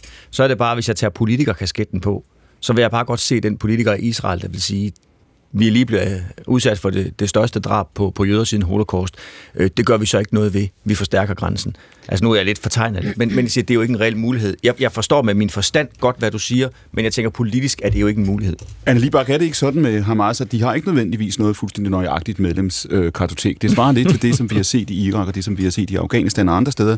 Du går i krig med en fjende om mandagen, afhængig af, hvad du gør om mandagen, så kan du have flere fjender øh, onsdag eller, eller, eller torsdag, og at øh, Anders Buk kan have en pointe her i at sige, at det her kan gøre det værre. Jo, fuldstændig. Altså, når man hører, at de civile tab nu er nået over 10.000, 12.000, så tænker jeg jo også, jeg håber, at der er nogle Hamas-krigere blandt dem. Fordi øh, Hamas og øh, Islamisk Jihad, en anden organisation i Gaza, menes jo at have i hvert fald 30.000 øh, soldater. Men de er jo civile, som du siger. Det er jo guerilla-soldater. Øh, og, øh, og derfor så vil de sandsynligvis, når de bliver nedkæmpet, blive øh, talt blandt de civile tab. Men jeg vil bare minde om, at da USA gik ind i Afghanistan efter 11. september for at udrydde al-Qaida, der førte det også til civile tab. Alligevel så havde vi ikke en rundbordssamtale herom, at det var vigtigt, at al-Qaida og da islamisk stat med luftbombardementer skulle øh, nedkæmpes i Syrien og i Irak, der omkom, gjorde Amnesty opmærk- øh, jo opmærksom på sandelig også mange civile. Mm. Og det er ikke for at sidde og retfærdiggøre det, det er bare for at sige, at nogle gange, så bliver man nødt til at begå ondskab for, en, for at undgå endnu større ondskab. Skal vi Øh, det er ikke det, sådan, man håndterer udfordringer i en retsstat, og der var masser af kritik af amerikansk øh, invasion, både i Afghanistan og Irak, og, øh, og sandheden er jo netop også lige præcis det, som Anders siger. I begge lande, der er det ikke ført til de resultater, man så viser. Så det er det der med, at midlet helliger målet, har ikke engang nogen effekt. I islamisk stat så, har vi da ikke længere, så vidt jeg vi, ved. Kalifatet er nedlagt, og så vidt jeg ved, så har al-Qaida ikke til fulde genetableret sig i Afghanistan. Sidder, det er Taliban, der sidder kraftigt på magten, og det er ikke sådan, at vi øh, har et frit og åbent og demokratisk Afghanistan lige i øjeblikket. Nej, det er ikke det, jeg taler om. Jeg, jeg taler om, at de to organisationer, som, som øh, vi satte os for at bekrige, og som begik terror i hele Vesten, at man nåede det mål, der hed at udrydde al-Qaida. Målet var jo ikke at udrydde Taliban. Taliban blev kun sat fra bestallingen, fordi de nægtede at opløse al-Qaidas lejre Så i der, det, det er muligt, der er, nogle, der er nogle enkelte sejre, man kan sige i den her scene. Pointen er bare, samlet set har vi ikke haft nogen sejre, og samlet set er alle de lande, vi har snakket om, blevet et sted for den civile befolkning, der har det dårligere. Signe Stampe? Ja, jeg vil gerne tilbage til øh, Israel, Palæstina og, og Gaza, fordi man kan fortabe sig rigtig meget i de krige, der har været i, i Mellemøsten, og de erfaringer der, selvfølgelig skal man drage noget lære ud af dem. Det er lidt svært entydigt at sige, hvad den lære er, for at være helt ærlig. Men det, der er det, det kritiske ved den krig, der bliver ført øh, i Gaza nu, det er jo, at den netop ikke har et strategisk mål. Altså mm. det, man taler om, også sådan de, de, eller den jargon, der er blandt øh, øh, i den israelske regering og militær, det er jo ødelæggelse. Det er selvfølgelig at eliminere Hamas, men fordi det er svært nogle gange at kende forskel på Hamas og civile, så er det ødelæggelse. Og det er derfor, jeg også sagde i, i forrige time, derfor er det vigtige, det er jo at få dem til Altså tvinge dem til at engagere sig i en dialog om, hvad er der på den anden side? Hvad er den politiske løsning på det palæstinensiske spørgsmål? Fordi det som, hvis vi skal sådan ligesom gå op på den lidt højere klinge, hvor det ikke kun, og det er mm. forkert at bruge kun, men handler om krig og ødelæggelse af civile tab, men Mellemøsten, så var det, der var på vej, var jo sådan en normalisering, en integration, en regional integration, øh, og, og det er, vi ved jo ikke helt, om det er Iran, der har pustet til, til Hamas' angreb på en eller anden mm. måde, har bidraget der, men det er jo i hvert fald det, der er ved at ske, det er et område, som måske, hvor der var egentlig mere, kan man sige, en mere normal tilstand undervejs. Er der er så blevet sat, sat ild igen, og, og nu spurgte Søren bare, øh, pege på en, en israelsk politiker, der, der, der tør sige noget nu mm. om, hvad er der på den anden side nu ved jeg ikke, om man kan betegne ham som politiker mere, Eud Olmert, som var øh, premierminister øh, tilbage i 2008.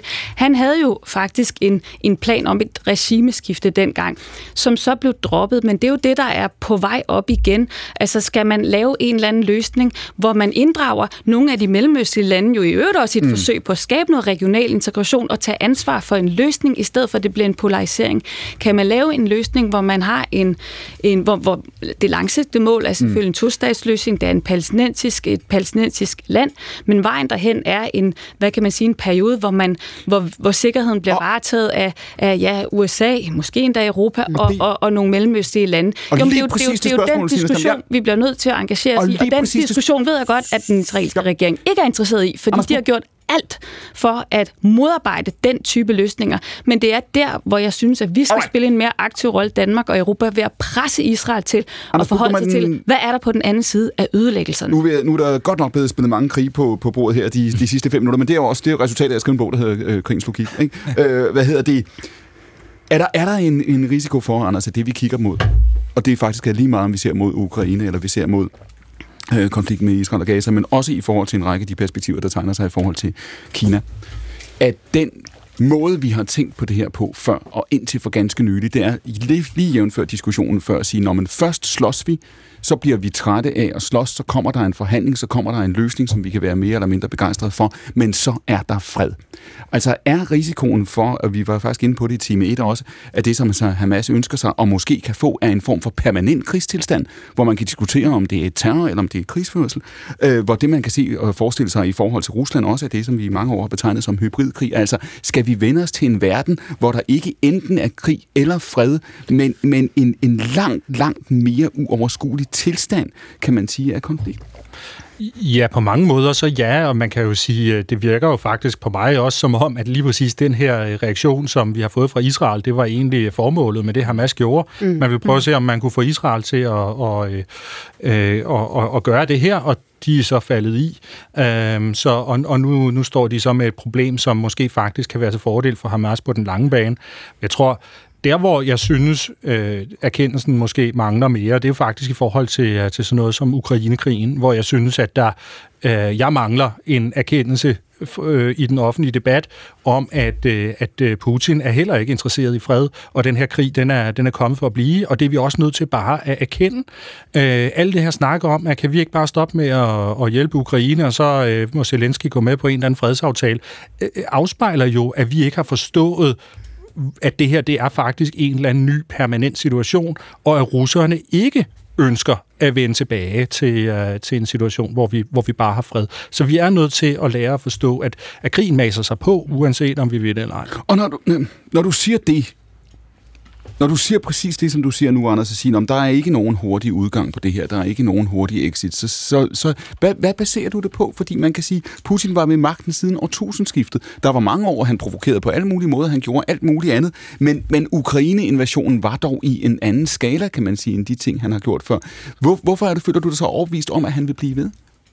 Altså, det, øh, det, det, kan jeg, det, er en, det er en meget lang analyse, kan man sige. Den, øh, men øh, for mig at se, er der ikke noget som helst, der tyder på, at russerne er på vej ud af det her. Russerne er ikke et sted lige i øjeblikket, hvor de mener, at de vil have vundet, hvis det stopper der, hvor det er nu. Mm. Tværtimod, øh, de er et sted nu. Kampen handler om, at Ukraine ikke skal have lov til at blive medlem af NATO. Ukraine skal ikke have lov til at blive medlem af EU.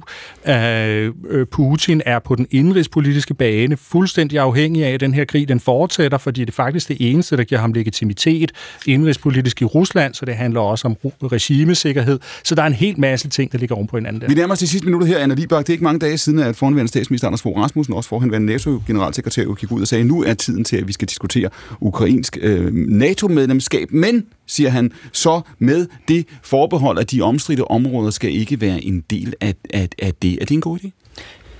Nej, det er det ikke. Øh, og det, det er det ikke, fordi at hvis man øh, forestiller sig det, så vil det ligesom sende et signal om, at der var et rigtigt Ukraine, og så var der et, øh, et Ukraine, der var tabt. Det er den ene grund til det.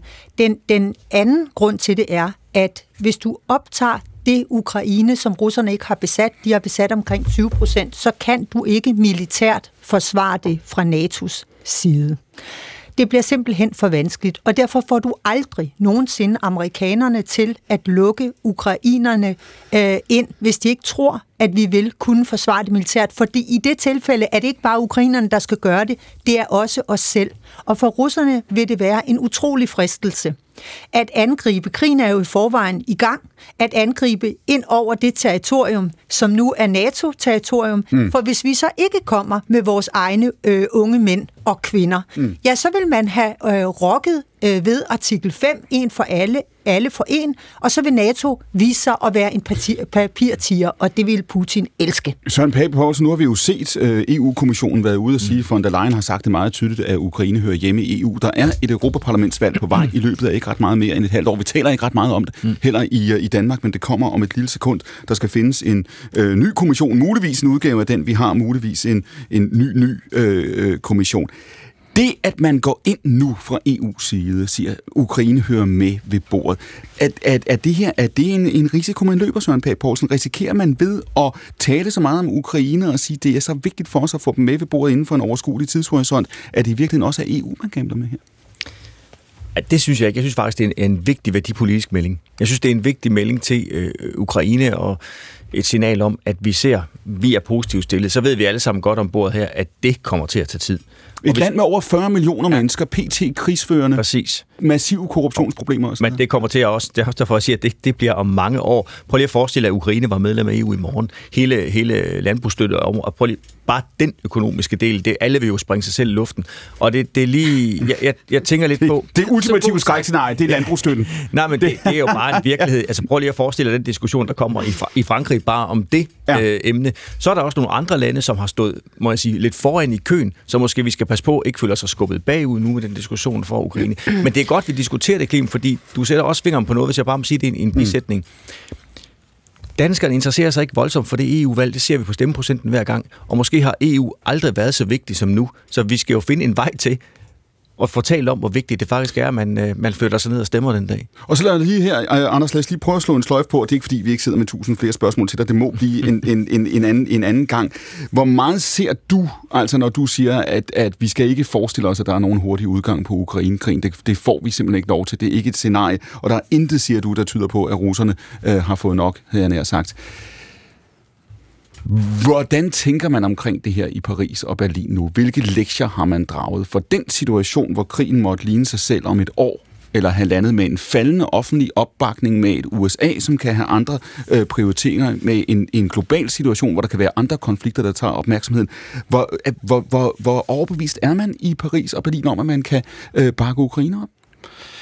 Jeg, jeg, jeg er ikke helt sikker på, at man helt har forstået endnu, hvordan alle de der dynamikker hænger sammen, og hvad russernes mobil, øh, øh, motiver for at kæmpe krigen i virkeligheden er, fordi samtidig med, at man taler om Ukraines fremtid i EU, øh, så er man jo nødt til at erkende, at det betyder også, at man er øh, klar til at øh, støtte Ukraine til rent faktisk at vinde den her krig.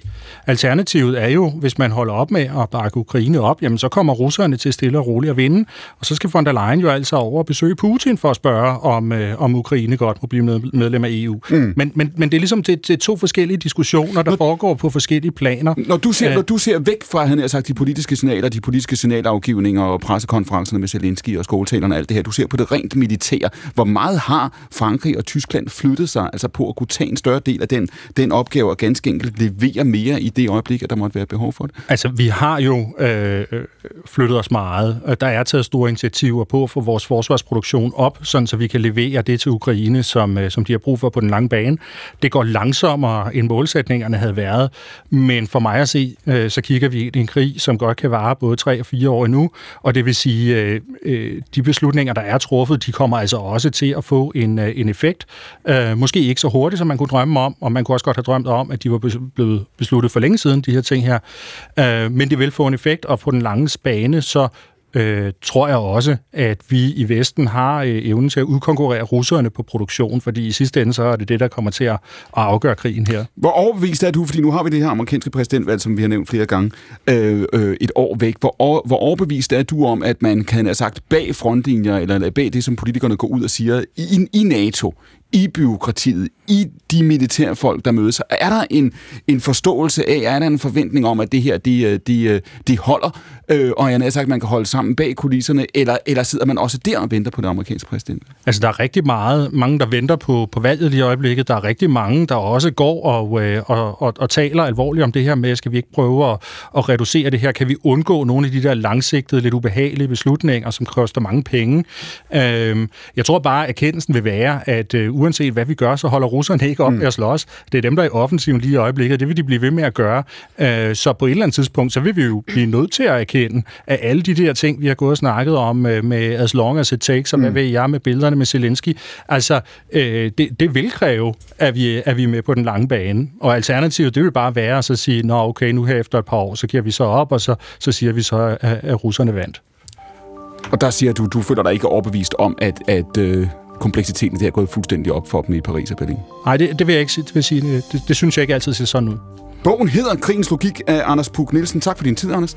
Velkommen. Vi ved, vi ser dig snart igen. Det her det er akkurat frem til kl. 14 direkte fra Nyhedshuset i DR-byen. Ved bordet, der sidder Søren Pape Poulsen, Senior Stampe, Therese Skavenius, Anna Libak. Om lidt så får vi besøg af professor Lars Gård Hansen, der jo også er en del af formandskabet i det Miljøøkonomiske Råd. Vi skal diskutere klima op mod kl. 14. Men først vender vi os til dansk politik. For i går var en historisk dag. Der var der nemlig landsmøde hos Danmarksdemokraterne. Det var historisk, fordi det var partiets allerførste af slagsen. Det foregik i Aalborg, og øh, det lød blandt andet sådan her. Jeg oplever et Danmark, hvor forbindelseslinjerne er blevet svækket i de senere år imellem Christiansborg og befolkningen, imellem eliten og almindelige mennesker, imellem land og by. Det handler jo dybest set om ulighed. Ulighed i alt fra adgangen til uddannelse, jobmuligheder, ordentligt sundhedstilbud og offentlig transport, og sågar muligheden for at låne til et helt almindeligt hus. Men det handler også om, at eliten i salongerne i København simpelthen er tunet ind på en helt anden mental frekvens hvor det betyder mere, hvad der står i lederen i New York Times, end hvad der sker i Nørre Nebel. Jeg har altid haft det lige omvendt. Det sagde Inger Støjberg fra talerstolen. Det var i sommeren 2022, altså for mindre end halvandet år siden, at hun stiftede partiet. Og når man fulgte talen i går, så kunne der ikke være nogen som helst tvivl om, hvad det umiddelbare politiske mål og succesparameter er for partiet. Prøv at høre her. Vi skal af med Mette Frederiksen som statsminister.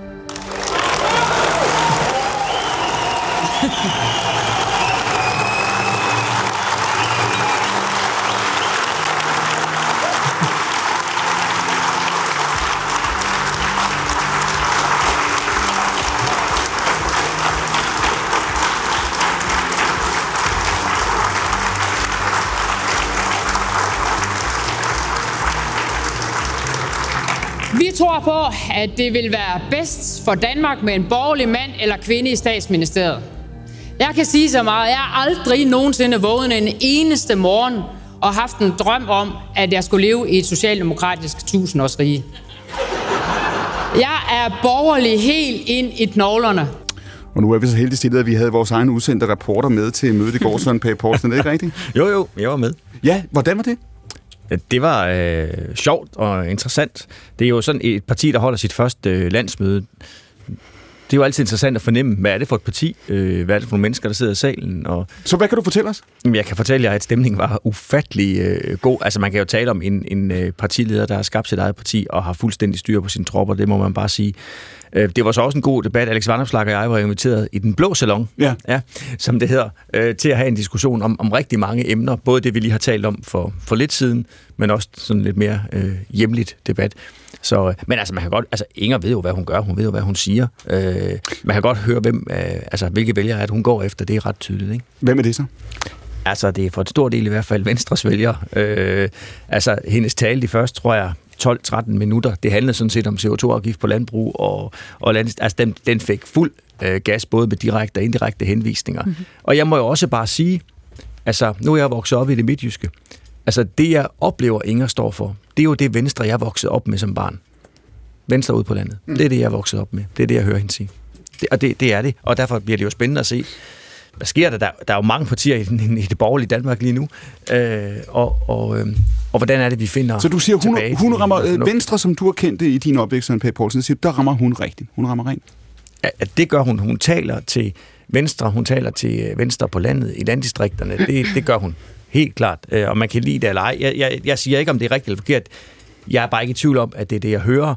Øh, Jeg kan kende det fra mine forældre, fra naboerne, fra alt det der. Hun, hun rammer lige præcis der, hvor hun godt ved, der er bundklang for det. Nu er du jo en partileder, der snart har siddet længere end nogle af de andre. Det er ikke meget galt, ikke? Ja, altså Pia Olsen Dyr, hun har lige været der øh, nogle måneder længere end jeg. Det er dig, Pia Olsen Dyr, der simpelthen kan... Hvad det, men, men når du sidder i går, og du sagde før, altså der er kommet mange nye partier til, mm. ja, det skal, det skal jeg hilse at sige. Jeg spurgte også i time 1, øh, om, om det her føles permanent. Det her, det er jo et parti, der, jeg nævnte det også før, for halvandet år siden eksisterede det ikke, ikke? Og nu ligger det dybest set og har en, en slagkraft og en slagstyrke, hvor det øh, på, en, på, en, på en valgdag i morgen øh, altså øh, ville være stærkere end Venstre, ikke? Jo. Og det, det, altså, nu taler vi meget om, at det er noget helt nyt dansk politik, og det er det jo også, men, men altså, hvis vi tænker tilbage på jordskridsvalget øh, i, øh, i 70'erne, så gav det jo også mange nye partier og gav en ny, øh, hvad skal man sige, mm. øh, politisk udfordring. Jeg synes egentlig, Ja, det, det er meget øh, fraktioneret. Øh, personer har vel aldrig betydet mere i politik, end de gør i øjeblikket.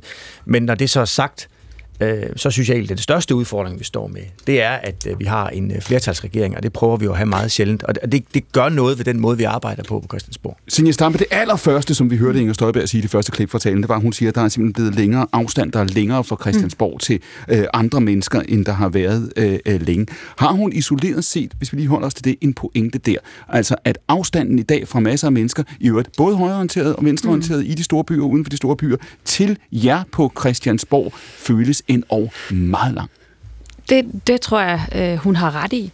Mm. Øh, jeg tror så, hvis man... Altså, jeg tror ikke, det er sådan et, et, et problem, der så øh, særligt kan målrettes bestemte øh, partier, men, men jeg synes da godt, man kan sige, at, at der er opstået en situation, hvor tidligere man var ligesom repræsenteret en, en bestemt bevægelse eller klasse i samfundet, så er vi jo en politisk klasse. Og det, det, der har Dansk Folkeparti og Inger Støjberg nu, de har bare altid været ufattelig gode til og lavet som om, at, at de var folket, og så pege på de andre, der var eliten. Men, men mange af dem, der sidder øh, for Danmarks Demokraterne, Inger Støjberg selv, er, er, jo, er jo altså politiske levedyr. De har, de har arbejdet det meste af deres arbejdsliv på Christiansborg. Det samme gælder jo et mig, men bare for at sige, det er altid lidt sjovt, det der med, når der bliver peget fingre af eliten, og så kigge lige på deres eget CV, før de kom ind øh, på Christiansborg. Men det er egentlig ragt hånden op for at sige, og jeg ved ikke, det er egentlig bare sådan en personlig observation, som jeg tænker kan være sjov derude. øh, det er jo, at, at når jeg møder Danmarks Demokraterne til forhandlinger, øh, så har vi for det første et, et rigtig godt samarbejde. Jeg opfatter det som et meget pragmatisk øh, øh, borgerligt øh, parti, øh, som jo så er lidt trængt af, at Dansk Folkeparti gør alt, hvad de kan for at holde øh, Danmarks Demokraterne ude. Alle de forlig, hvor DF er med, øh, der får øh, Danmarks Demokraterne ikke lov til at træde ind. Jeg har flere gange sagt, at jeg synes, vi skal sende en invitation til Danmarks Demokraterne. Jeg siger jo samtidig, at man skulle tro, det er løgn. Jeg sidder og taler for, at vi skal have Inger Støjbergs parti ind i lokalet, men det er jo politikere, jeg kender særdeles godt. Mange af dem er jo tidligere øh, DF'er, mm. altså for Dansk øh, Folkeparti. Og på en måde, nu siger du, at, at, øh, at, at Danmarksdemokraterne er, er det gamle venstre på landet. For mig er det jo også det gamle Dansk Folkeparti, inden det, det blev fuldstændig radikaliseret, altså for 10 øh, år siden. Det vil sige, det er det rødternede øh, Danmark, øh, som jeg har mange varme følelser for, og jeg synes faktisk, at vi har et rigtig godt samarbejde øh, lige nu. Øh, også fordi, at Inger Støjberg så trods alt har valgt så klart, og det er jeg meget glad for, og, og jeg vil også faktisk sige øh, taknemmelig for at hun ikke er gået ind i sådan en, en hvad kan man sige, radikaliseringskonkurrence med Nyborgerlige og Dansk Folkeparti, men fra start har valgt at markere sig som, og det er måske netop i forsøget på Europa Venstres plads, som et øh, øh, regeringsstudie, er måske svært at sige øh, med den øh, fortid den dom, som øh, Inger Støjberg har i bagagen, men alligevel forsøger at være et, et midtersøgende borgerligt parti mere end et øh, yderfløjs radikaliseret Hvad... parti, øh, som vi, vi ser Dansk Folkeparti og, og Nye Borgerlige og resterne Skal vi jo samme spørgsmål isoleret set Inger Støjbergs pointe, hvor hun siger, at afstanden mellem borgerne og, og politikerne større, end den har været før. Hun ret? Øh, det, er, det er mere kompliceret end som så, fordi konfliktlinjen går nogle andre steder. Det er rigtigt, at den førte politik i den her konkurrencestat, vi bor i de sidste 20 år, har øget polarisering. Vi ser stigende ulighed, og der sker den her sådan ghettodannelse, hvor at fattige og rige bliver flere og mere flyttet fra hinanden, og vi får en rigere og rigere økonomisk elite. Men det, jeg tror, som, øh, som Inger Stavberg forsøger at, at i talesætte, det er det her med, at nogen, der ved noget, nogle eksperter, salonger i København, at de er anderledes end befolkningen. Og det, det, det, det vil jeg gerne meget arbejde for fremadrettet, at den misforståelse bliver øh, afmonteret. Fordi det er faktisk sådan, at øh, det er det, og jeg tror, hun vil videreføre det, Anna Fogh skal opgøre, der den gamle dag for 20 år siden hed, det der opgør med smagsdommerne. Og smagsdommerne var eksperter, folk, der ved noget om noget. De ved for eksempel noget om klimapolitik, de ved noget om øh, miljø, de ved noget om sundhed, de ved noget om børn. Og alle de mennesker skulle politik ikke være baseret på. Øh, og, og det er det, der er skaden i dag, det er, at politik ikke er baseret nok på alle de mennesker, der ved noget. Problemet er med Inger Støjbergs logik, det er så, at alle dem, der ved noget om det, hun gerne vil forbedre, det nu nævne hun transport, sundhed osv., alle de mennesker har hun ikke tænkt sig at blidt brugt i, og altså, dem har hun lige disset ved at sige, Men det er dem, der er i eliten. Skal vi nu, hvis jeg lige skal udfordre dig her ved et øjeblik, altså fordi mm. du har jo været ude, også efter du er blevet løsgænger med en, en meget konsekvent regi, øh, kritik af den måde, som Christiansborg fungerer ja. på. Ikke? Ja. Altså du siger, og du taler jo i virkeligheden på tværs af partier her, du siger, der er noget i den politiske funktionsmåde, der er noget i den politiske kultur, ja. der er noget helt nede i det politiske maskinrum, der simpelthen ikke fungerer, som, som, som, som det skal. Så kunne man jo sige, jamen Støjberg repræsenterer i virkeligheden det, som du ville få. Altså hvis man sprænger de gamle partier væk, hvis man sprænger de her... Nej, hun øh, repræsenterer sand, overhovedet. Jeg ja. lige fast. Ja. Hvis man sprænger det hele væk, som, som, som man kender det, øh, så vil du få en, en befolkning, der sætter sig igennem, og det er bestemt ikke sikkert, at du vil kunne lide den politik, som den befolkning så efterspørger. Jamen, men det, her, nej, det er ikke det, der er pointen. Pointen er, at inde på Christiansborg er der opstået en, det, jeg kalder en Christiansborg-boble, mm. som ikke er velconnected til virkeligheden. Det vil sige, hvis man ønsker et bedre sundhedsvæsen, så er det rigtig vigtigt, at man stærker med eksperter i sundhed, øh, og i folkesundhed, og ikke kun med økonomer, der er i, hvordan man kan skære på sundhedsbudgetterne. Øh, og det gælder inden for alle områder. Og der hører jeg ikke, at Inger Støjberg har tænkt sig at lave et opgør med den Christiansborg-logik. Øh, så, så, så for mig repræsenterer hun overhovedet ikke befolkningen hun repræsenterer den økonomiske elite, som hvor hendes borgerlige politik vil fremme og skabe bedre vilkår for de rigeste i landet, og det vil sige, alle de mennesker, hun taler til, der skal have bedre offentlig transport, bedre sundhedsvæsen, får intet af det. Hendes vælger bliver skuffet. Det kommer de til at blive, ligesom med Trump. Øh, det skal jeg jo ikke kunne sige, om de gør eller ej. Det er jo heller ikke mit lod. Altså, jeg er jo ikke, sådan, jeg er jo ikke repræsentant for Danmarksdemokraterne her. Men, men jeg, jeg, jeg tror altså, der er, jeg synes, det, det kommer med mange nuancer også på Christiansborg, det her. Altså, jeg synes jo generelt set, øh, i rigtig mange helt almindelige forhandlinger, hvis jeg må bruge det udtryk, der er der jo en, en god og ordentlig dialog, og vi finder løsninger.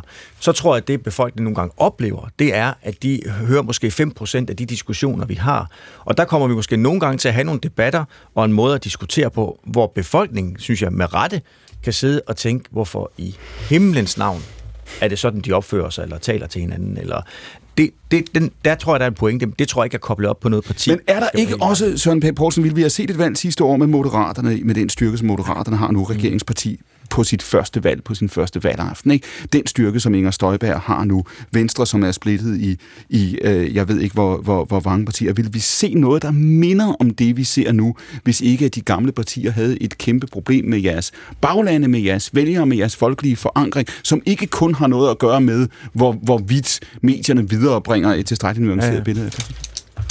Jamen, det er, jo, det er jo et godt spørgsmål. Jeg må også bare sige, at der er jo stadigvæk noget, der forankres derude. Altså nu, jeg har jo selv været med til, at øh, mit eget parti der i, i 2015 fik vi jo det mest forfærdelige valg i hele vores historie. Ja. Men selvom vi stod... Altså i indtil videre, kan man sige. Indtil videre. Man ved jo aldrig, hvor galt det kan gå. Ja, ja, ja. Men hvis jeg strammer mig ekstra op, kan det være, det bliver endnu ringere. Altså, men, men der stod vi jo i den situation, at vi på Christiansborg jo virkelig var presset, for nu at sige det mm. pænt. Men den bevægelse, der kunne vi jo mærke, det at være et gammelt parti med stærke øh, kommunale rødder, det var jo noget af det, der hjalp os igennem, for vi mm. havde jo stadigvæk borgmesterposter, masser af byrådsmedlemmer. Der, der var der jo en fundament og en base. Men, men der er jo ikke mange kernevælgere tilbage for noget parti, skulle jeg helt så sige. Og, og det er jo den virkelighed, vi, vi befinder os i. Så det, det bliver nok mere og mere afhængigt af, en ting er, hvad vi laver til daglig, mm. men, men valgkampene bliver jo vigtigere og vigtigere, og hvordan vi præsterer i en valgkamp. Libert Genskål. Jamen før var der nogen, der sagde, at der er alt for lang afstand mellem øh, politikere mm. og befolkning. Altså jeg vil våge at hæve, at et stort problem er, at afstanden er alt for kort. Uh, Anne-Sophia Hermansen, hun sagde på et tidspunkt, at Danmark har 5,8 millioner statsminister. Mm. Uh, sådan så folk føler sig frie til at uh, kommentere alting overhovedet, og de, struktur eller de sociale medier gør det muligt ja. for dem simpelthen. Og så er det det, at fordi det er en politiker, der er valgt, så føler man også, at man har ret til det. Altså befolkningen tillader, tillader sig jo meget mere over for politikere, mm. end de gør over for alle mulige andre. Ikke? Men når du siger det der, øh, Senja, med, at øh, Morten Messerschmidt øh, ikke vil have Inger Støjberg med i forliget. Altså, hvor, hvorfor vil han ikke det? Det er fordi, de minder så meget om hinanden. Det er i sig selv et vidnesbyrd om, Men, at der skal ikke være 12 partier i Folketinget, når der er du vil gerne, hvor høj, hvor høj skal spær, Hvor høj skal spærgrænsen være, Anna? 20. nej, ja. så, så nej, nej, det, ja. nej, altså, jeg, jeg er også splittet det spørgsmål, fordi det er jo godt, vi så har en lav... Så vil bare Bertelsen sidde alene tilbage, ikke? Jo, givetvis. Men, øh, men nej, jeg er også... Jeg er det også, vil selv Weekendavisen vil ikke anbefale. Jeg, jeg er splittet øh, i spørgsmålet, fordi at når man har en lav spærregrænse, så betyder det jo også, at nye politiske strømninger, de hurtigt kan opfanges. Mm. Men er vi, og omsættes er vi ikke, i politik, og det er vel godt? Er vi, ikke, er, er vi ikke vidne til, Anna, og det er jo ikke noget, der er helt nyt, men er vi ikke vidne til i de her år, hvad enten vi nu, det er meget det, vi står og diskuterer med den politiske fragmentering og den politiske opløsning. Du kan sige det samme om mediebilledet. Mm. Du kan sige det ja. samme om, når du kigger ud over mediebilledet i øjeblikket, der er sparerundt og fyringer på øh, i et nyt avishus øh, hver dag, pt. Det, det, vi er vidne til nu, det er vel i virkeligheden noget, som vi på en eller anden måde har skubbet foran os i 20 år. Der er alle mulige gamle, nu siger Søren Pape Poulsen før, der er ikke øh, kernevælgere til partier. Nej, der er heller ikke kernelæsere, der er ikke kerneseere, der er ikke kernelytter. Vi er vel bare vidne til altså en syndflod af fragmentering. Det har du fuldstændig ret i, og det skyldes jo, ja, og det skyldes jo, at, at tidligere så var, hvis vi går langt nok tilbage, befolkningen inddelt i stænder. Det vil sige, når du blev født, ja. så fik du mere, mere eller mindre at vide, hvem du var. Ja. Og så placerede du dig politisk ud fra det. I dag er vi en stor middelklasse. Ja. Det ved jeg godt, at uh, Senior Stamp måske vil have nogle reservationer overfor, men der er rigtig mange, der kan betegnes som, ja. øh, som middelklasse. Og det betyder, og at du det vælger stod selv, det, stod hvem det til du. Weekendavisen, skulle vi tilbage til stænderne, er det det, jeg hørte dig sige? Absolut ikke. Stod det til Weekendavisen, så skulle vi tilbage til en tid, hvor folk forstod, at det at læse lange artikler faktisk gør en klogere. Ja. Alright, det siger Anna Libak. Og jeg ved, hvad var det for en klasse, du tænker i? Jeg mener også, at Danmark er en stor middelklasse. Ja, det er godt. I må slås om middel- middelklassen en anden dag. Ved bordet sidder jo altså helt frem til kl. 14 vores panelsøren Pat Poulsen, Senior Stampe, Therese Scavenius og Anna Libak. De er henholdsvis, nu skal jeg se, om jeg kan huske rækkefølgen, formand for de konservative medlemmer af Folketinget, udenrigsredaktør på Weekendavisen og løsgænger i Folketinget. Må selv sidde og finde ud af derhjemme, hvem der er hvem. Ikke? Nå, 23 minutter tilbage, godt og vel, af akkurat. Det er P1's søndagsavis, og nu nævner vi og vender vi os til klimaet. Klimarådet var jo ude og sige, at det var tilbage i starten af året, det var helt præcis den 28. februar, der var store risici på regeringens vej mod 2030-målet. Det er jo ikke fordi, at klimapolitikken ikke fylder, det har den gjort også i år i lyset af de nyheder, øh, som vi har fået, som vi også har diskuteret i det her program uge efter uge og måned efter måned. Mange af flaskehalsen i øjeblikket, de peger på en CO2-afgift. Det er jo altså en konflikt, et spørgsmål, der kører dybt internt i Venstre. Landbrug og Fødevare har lige stået og haft deres landsmøde. Også der fylder det. Men lad os lige prøve, Lars Gården, fordi nu er du hos os. Du er jo altså professor med medlem af formandskabet i det Miljøøkonomiske Råd, og komme op i helikopteren en gang, og lige træde to eller tre skridt tilbage fra den sådan helt konkrete øh, diskussion. Hvor langt er Danmark fra at nå det her 2030-mål og opfylde 70 procents målsætning? Jamen altså, vi er, vi er pænt langt fra, og, og, og det der mangler, det er landbruget. Når jeg siger pænt langt fra, så er det fordi landbruget fylder meget, og mange af de reduktioner, der skal til for at nå målet, de ligger i landbruget. Så lad os lige prøve en gang her at prøve at rise op. Hvis man nu forestillede sig, at landbruget ikke bidrog, altså at det ikke gik i noget hurtigere tempo. Det er jo ikke nogen, det er ikke nogen stor hypotese ikke? Øh, i forhold til, hvor udviklingen er nu. Hvor meget vil vi så ellers skulle reducere? Altså hvilken jeg sagt, reduktionsforpligtelse vil det kaste over på resten af samfundet i den helt hypotetiske tilstand? Jamen, det vil være hele landbrugets øh, reduktionsforpligtelse, det har vi så regnet på. Øh, det vil øh, mere eller mindre øh, tredoble den regning, den gennemsnitlige dansker kommer til at betale for klimaomstillingen. Og det er, fordi der ligger rigtig mange billige reduktioner i landbruget, og hvis man fører dem over på resten af samfundet, som allerede har reduceret en masse, øh, så bliver det rigtig dyre. Så det er sådan, det hænger sammen. Og i forhold til 2030-mål, altså de her målsætninger blev stillet op, der er både 2025-mål jo som bekendt, og så 2030-målet, da de blev spillet op, havde man stadigvæk øh, øh, tid at løbe på. Hvor meget er der sket i den mellemliggende periode?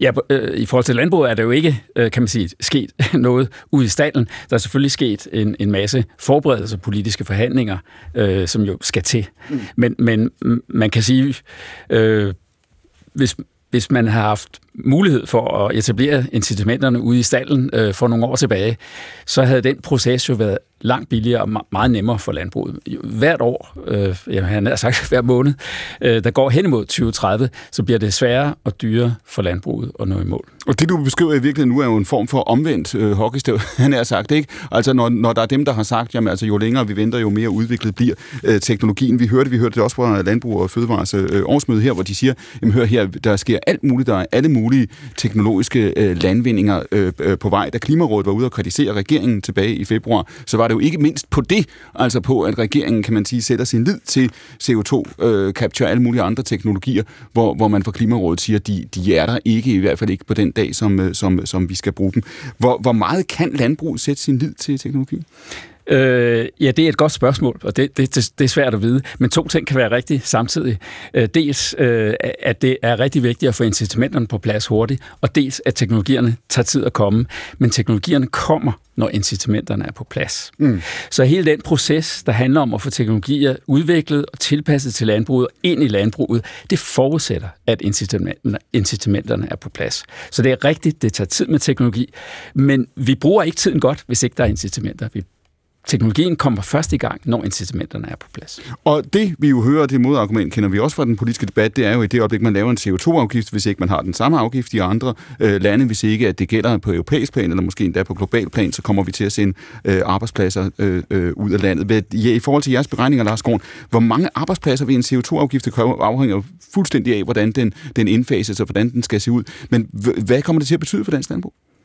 Øh, jamen, det, det kommer til at betyde arbejdspladser for dansk landbrug, men når vi snakker øh, sende arbejdspladser ud af landet, så er det ret vigtigt at have, have, have fokus på, hvad vi mener der. Fordi hvis ikke vi udnytter de billige reduktioner i landbruget, så kommer vi til at sende arbejdspladser samlet set ud af landet. Hvorfor det? Fordi at øh, det, der kommer til at ske, hvis vi får de billige reduktioner i landbruget, det er, at der kommer til at vi mister arbejdspladser i landbruget, men de flytter til andre dele af økonomien. Hvis vi laver dyre reduktioner i andre dele af økonomien, så sender vi arbejdspladser ud af landet. Søren Pape Poulsen, vi har jo været halvvejs inde på det for, for, for 10 minutter siden. Hvorfor er det, at, øh, at denne her CO2-afgift er øh, så følsom? Jeg tror, den... Øh... Jeg tror, den taler ind i... Øh... Det er fordi, den taler ind i så meget... undskyld, den taler ind i, øh, i landdistrikter, den taler ind i... Øh, altså, den, er der så et mejeri, har smeden noget at lave, øh, dør landsbyerne, så er skolen der så stadigvæk. Og mm. derfor taber den jo ind i noget, der bliver meget følsomt, fordi, og det er jo lidt ærgerligt, fordi jeg tror, altså sådan, sådan helt savligt set, så er der jo ikke nogen vej uden om, end der skal være en, en CO2-afgift øh, på landbruget. Den skal selvfølgelig være på produktionen, ellers så giver det jo ingen mening. Vi skal have de dygtige landmænd til at omstille sig, det gør de jo selvfølgelig hvis de får øh, incitamentet til det. Og så siger jeg bare, ingen afgift uden kompensation, sådan vi gjort på de andre områder, så skal vi selvfølgelig også gøre det her, men man kommer ikke uden om det. Og det, der næsten frustrerer mig mest, nu snakker vi landbrug, vi snart tager klimadebatten generelt, der bliver holdt ufattelig mange gode taler om det her emne. Mm. Men, men, men der sker jo ikke. Nu, nu har vi 20-25 mål lige om lidt. Det, hvor, altså det kunne vi jo aftale for tre år siden mindst. Nu ender det garanteret med, at vi kommer til at lave nogle ja, lidt dårlige løsninger, fordi så bliver det sådan lidt desperat her i slutningen. Der, kommer ingen, der er ikke kommet en mølle op.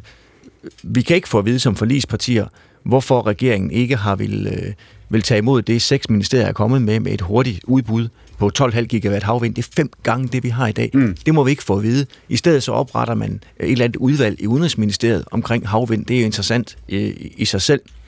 Så der er rigtig mange ting, hvor vi taler om det. Der sker bare ikke noget, og det frustrerer mig helt vildt, og vi går til, jeg ved ikke, når jeg taler med vores klimaoverfører, Mona Jul, hun er ved at gå op i limningen over alle de møder, de render til over i Klimaministeriet, der kommer ikke noget ud af det. Men når du beskriver, uh, Søren Pape her for, for, for nogle minutter siden, du beskriver uh, Danmarksdemokraterne, hvad det er for en vælgergruppe, hvad det er for dele af landet, som, som, som de appellerer til, uh, så kunne man jo sige, når man, når man, altså det, der har bevæget sig, han har sagt, som en isblint gennem Venstre, det er den her uh, CO2-afgift, det er den her debat, det er de her vælgere, og partiet er dybest set er blevet splittet, jeg har sagt flere gange, i forsøget på at finde ud af, hvem skal bære omkostningen for, for, for det her. Ikke? Det er dybest set den, kan man sige, proces Venstre har været igennem. Man kunne vente om at sige, at du som, som partiformand i de år, du har siddet med en politik, hvor du har insisteret på, at I også var klimaambitiøse. Mm. At her skulle vi være gået foran. Her kunne I dybest set have skabt den konsensus, når du sidder og siger nu, der er ingen vej udenom.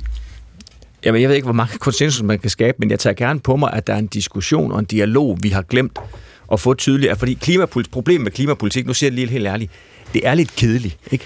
Det er lidt kedeligt og teknisk at diskutere, og det er bare så umådeligt vigtigt. Og der gør det jo nogle gange, hvordan er det, vi får den dialog, også det, som Lars lægger op til der, hvordan kommer vi ud og forklare, at det her giver faktisk måske flere arbejdspladser, hvorfor er det, vi skal lægge op og, og, og sætte noget mere kød på det, for ellers så bliver det en meget teoretisk diskussion, som, hvor, hvor der kommer nogle hurtige påstande ud, og så er vi bare tilbage for Men hvis, når også du har været forbeholden, det er ikke for ja. at se helt skylden på dig, men når Nej. også du har været forbeholden for at tage denne her diskussion, så er det jo også fordi, du har vidst, så længe andre gik foran, så ville der være borgerlige vælgere, vælgere der kunne finde på at søge over til jer. Ikke? Om jeg synes nu, øh, jeg synes nu, at vi i lang tid har sagt ret klart, at, at vi går ind for en CO2-afgift, øh, også på, på landbruget. Vi har så ikke skruet den sammen, fordi der skal vi jo så se, hvordan skal vi gøre det. Er det det, Klimarådet siger? Kommer der en gruppe lige om lidt? Øhm, Problemet er jo bare, at vi har haft rigtig mange forhandlinger om det, og vi har lavet mange aftaler, vil jeg lige minde om, men, men de bliver ikke ført ud i livet. Skal vi også? Ja, der er tusind ting at sige om det her, og det ene er jo, at øh, det hele er jo lidt en syltekrukke i forhold til slet at lave noget klimapolitik. Nu har jeg været valgt ind i Folketinget et år og siddet med klimaområdet øh, og kigget på den lovgivning, der bliver ført igennem. Og den eneste lov, som faktisk har haft en klimaeffekt, det var en affaldslov, som så gik i en sort retning. Alt andet er mere sådan noget teknokratisk energiforsyning, som, som ikke handler om klima. Så man kan bare sige, at øh, efter den her nye regering, vi har fået, er der sket nul som en nul klimapolitik, og så er der masser af diskussioner omkring det ene og det andet, men effekten er meget lille. Og for lige at svinge sløjfe på det her med Inger Støjberg, så synes jeg faktisk, det er meget interessant, fordi det, der er grund til, at det er så svært, det er netop tilbage til det her med, det er fordi, den økonomiske elite sidder faktisk rigtig, rigtig stærkt på det politiske. Og når vi snakker landbrug, så er det altså landbrug og fødevare og de øh, organisatoriske interesser, der er i at bevare det eksisterende landbrug. Og det har faktisk intet med borgeren, der bor ude på landet, der er den her, der bor ved det rødternede bord, som senior snakkede om. Det har noget at gøre med en lille økonomisk elite, der vil beholde deres penge. Men hvis og det- det svarer lidt ligesom så Trump sagde der i gamle dage, eller for et par år siden, hvor han sagde der med, at øh, han gik til valg på at skaffe øh, kularbejderne deres arbejde tilbage. Er det 9 procent af vælgerne, som Inger Støjberg står til nu? Hvis det her alene var en enkelt lobbyorganisation, skal Venius, så ville Danmarksdemokraterne ikke være det parti, de er. Jamen, pointen er, at det, det er ikke de samme. Pointen er, inde i, på Christiansborg, i det politiske rum, der sidder i forhold til landbrugspolitik, sidder Landbrug og Fødevare, Arla, Danish Crown, meget, meget tungt på det politiske indhold, og det er derfor, de hele tiden skal spørges og er med til at lave den politik, der bliver lavet på energiområdet af dansk industri. Og det vil sige, at der bliver lavet politik for den lille økonomiske elite, og det er så nogen som Inger Støjberg også med til at understøtte. Libak? Jeg synes, det er en forsimpling. Jeg tror, at øh, der er mange, der er øh, bange for, hvad det er for nogle beslutninger, der bliver taget i forbindelse med den grønne omstilling. Fordi at vejret er globalt, og Danmark kun udleder en promille, og når det stiger i Kina, som det gør i år, ja, så øh, udleder de faktisk mere end samtlige Danmarks udledninger, bare deres stigning. Og det er ikke et argument for ikke at gøre noget, men jeg tror også, hvis jeg tager mig selv, så er jeg meget optaget af de dilemmaer, der er mellem at være miljøbevidst og være klimabevidst. Jeg har lige læst et indlæg af Peter Sandø, som gør opmærksom på, at hvis du gerne vil dyrevelfærd, ja, så producerer den gris, du spiser, simpelthen mere CO2-udledning, end hvis du spiser en gris, der øh, har et, øh, mi, et minimalt CO2-aftryk. Mm. På samme måde, så kan jeg da se, når jeg kører rundt i Jylland, så skyder der solcelleparker op. Altså mange hundrede meter af kvadratmeter af solcelleparker, og så tænker jeg da, hvad har der stået der før? Har der stået skov? Men når altså... du ser, Anna Libak, når du, når du lytter til eksperter, når du lytter til FN, når du ser den, øh, den stigning i havtemperaturen, de globale havtemperaturer, som i år har øh, udvist altså en abnorm stigning, tænker du så ikke, at det her det bliver en omstilling? Det her kommer til at få konsekvenser. Ja, der kommer solceller op, og ja, der er en, et, øh, et trade-off i forhold til dyrevelfærd. Jo, men det jeg også tænker, det er, at det er virkelig, virkelig vigtigt, hvis Danmark skal øh, altså hvis Danmark skal gøre indtryk globalt, så er det virkelig, virkelig vigtigt, at vi gør noget, der er øh, klogt, som andre vil efterligne. Og i den sammenhæng mm. bekymrer det mig dybt, at når nogen så siger, jamen hvorfor satser vi ikke også på atomkraft sammen med vindmøller og sammen med solceller, og får et af de her smarte, nye, flydende atomkraftværker i København, eller det, nu? i, Kø, i Københavns Havn, hvor jeg, jeg bor selv i nærheden, mm. og øh, jeg tror på, at danskerne har teknologisk øh, viden til det. Hvorfor øh, skal det være sådan, at der er hellige kør i den debat? Hellige Stampe. CO2-udledende Ja. kør. Det er ikke godt. Alright, Stampe, bogstaveligt ja. hellige kørt, det du Ja. siger. Stampe? Ja. Ja, der er rigtig heldige køer nogle steder. øhm, ja, jeg vil bare gerne sige, jeg, jeg tror... Det flydende atomkraftværk, det, Signe. der Start er med det. Nej, fordi problemet med den danske klimadebat er faktisk, at der i alt, alt, alt for mange år, hvor for mange mennesker, inklusiv mig selv, inklusiv måske de fleste af os, der står her, der troede, at klimapolitik var lige med energipolitik. Mm. Da jeg blev landbrugsordfører i 2019, der var jeg jo ved at falde ned af stolen, da jeg så, hvor meget landbruget står. Ikke bare for Danmarks udledning, men for den globale udledning. Det er jo cirka en tredjedel. Og alligevel, så er næsten det eneste, vi har talt om de sidste 40 år, det har været vindmøller, det har været kulkraft, det er den fossile industri. Men, men vi er jo fuldstændig, og når det er en ekstra stor synd, men måske også forståeligt, at vi har fortrængt øh, landbruget i den grad i den her store ligning, så er det jo fordi, vi selv er et landbrugsland. Øh, og, og det er også det, der gør det så ufattelig svært at nå målene på landbrug. Det er jo, at vi er 40 år bagud. Og jeg vil bare sige, at den omstilling, landbruget skal igennem, mm. er akkurat lige så stor og besværlig og omvæltende for det erhverv, Og s- øh, som det energisektoren har været igennem. også- Men vi skal jo klare det på 5-10 år. Og, det er jo, og jeg er enig i CO2-afgift. Jeg er totalt enig i CO2-afgift, men nogle gange er det jo også, det er den bedste og nemmeste måde for os politikere, fordi så må det være branchen selv, der finder løsningerne. Men jeg kan jo godt forstå, at det rejser en større debat derude for, hvad fanden skal vi gøre? Der også- Og lige nu, må jeg lige Ja. sige, lige nu synes jeg, at den største risiko, mm-hmm. det er, at landbruget de kaster en masse penge efter teknologi, der kan gøre dem marginalt bedre Men marginalt bedre er ikke godt nok til at nå den reduktion. Så vidt jeg husker, så ligger landbruget på 17 megaton om året.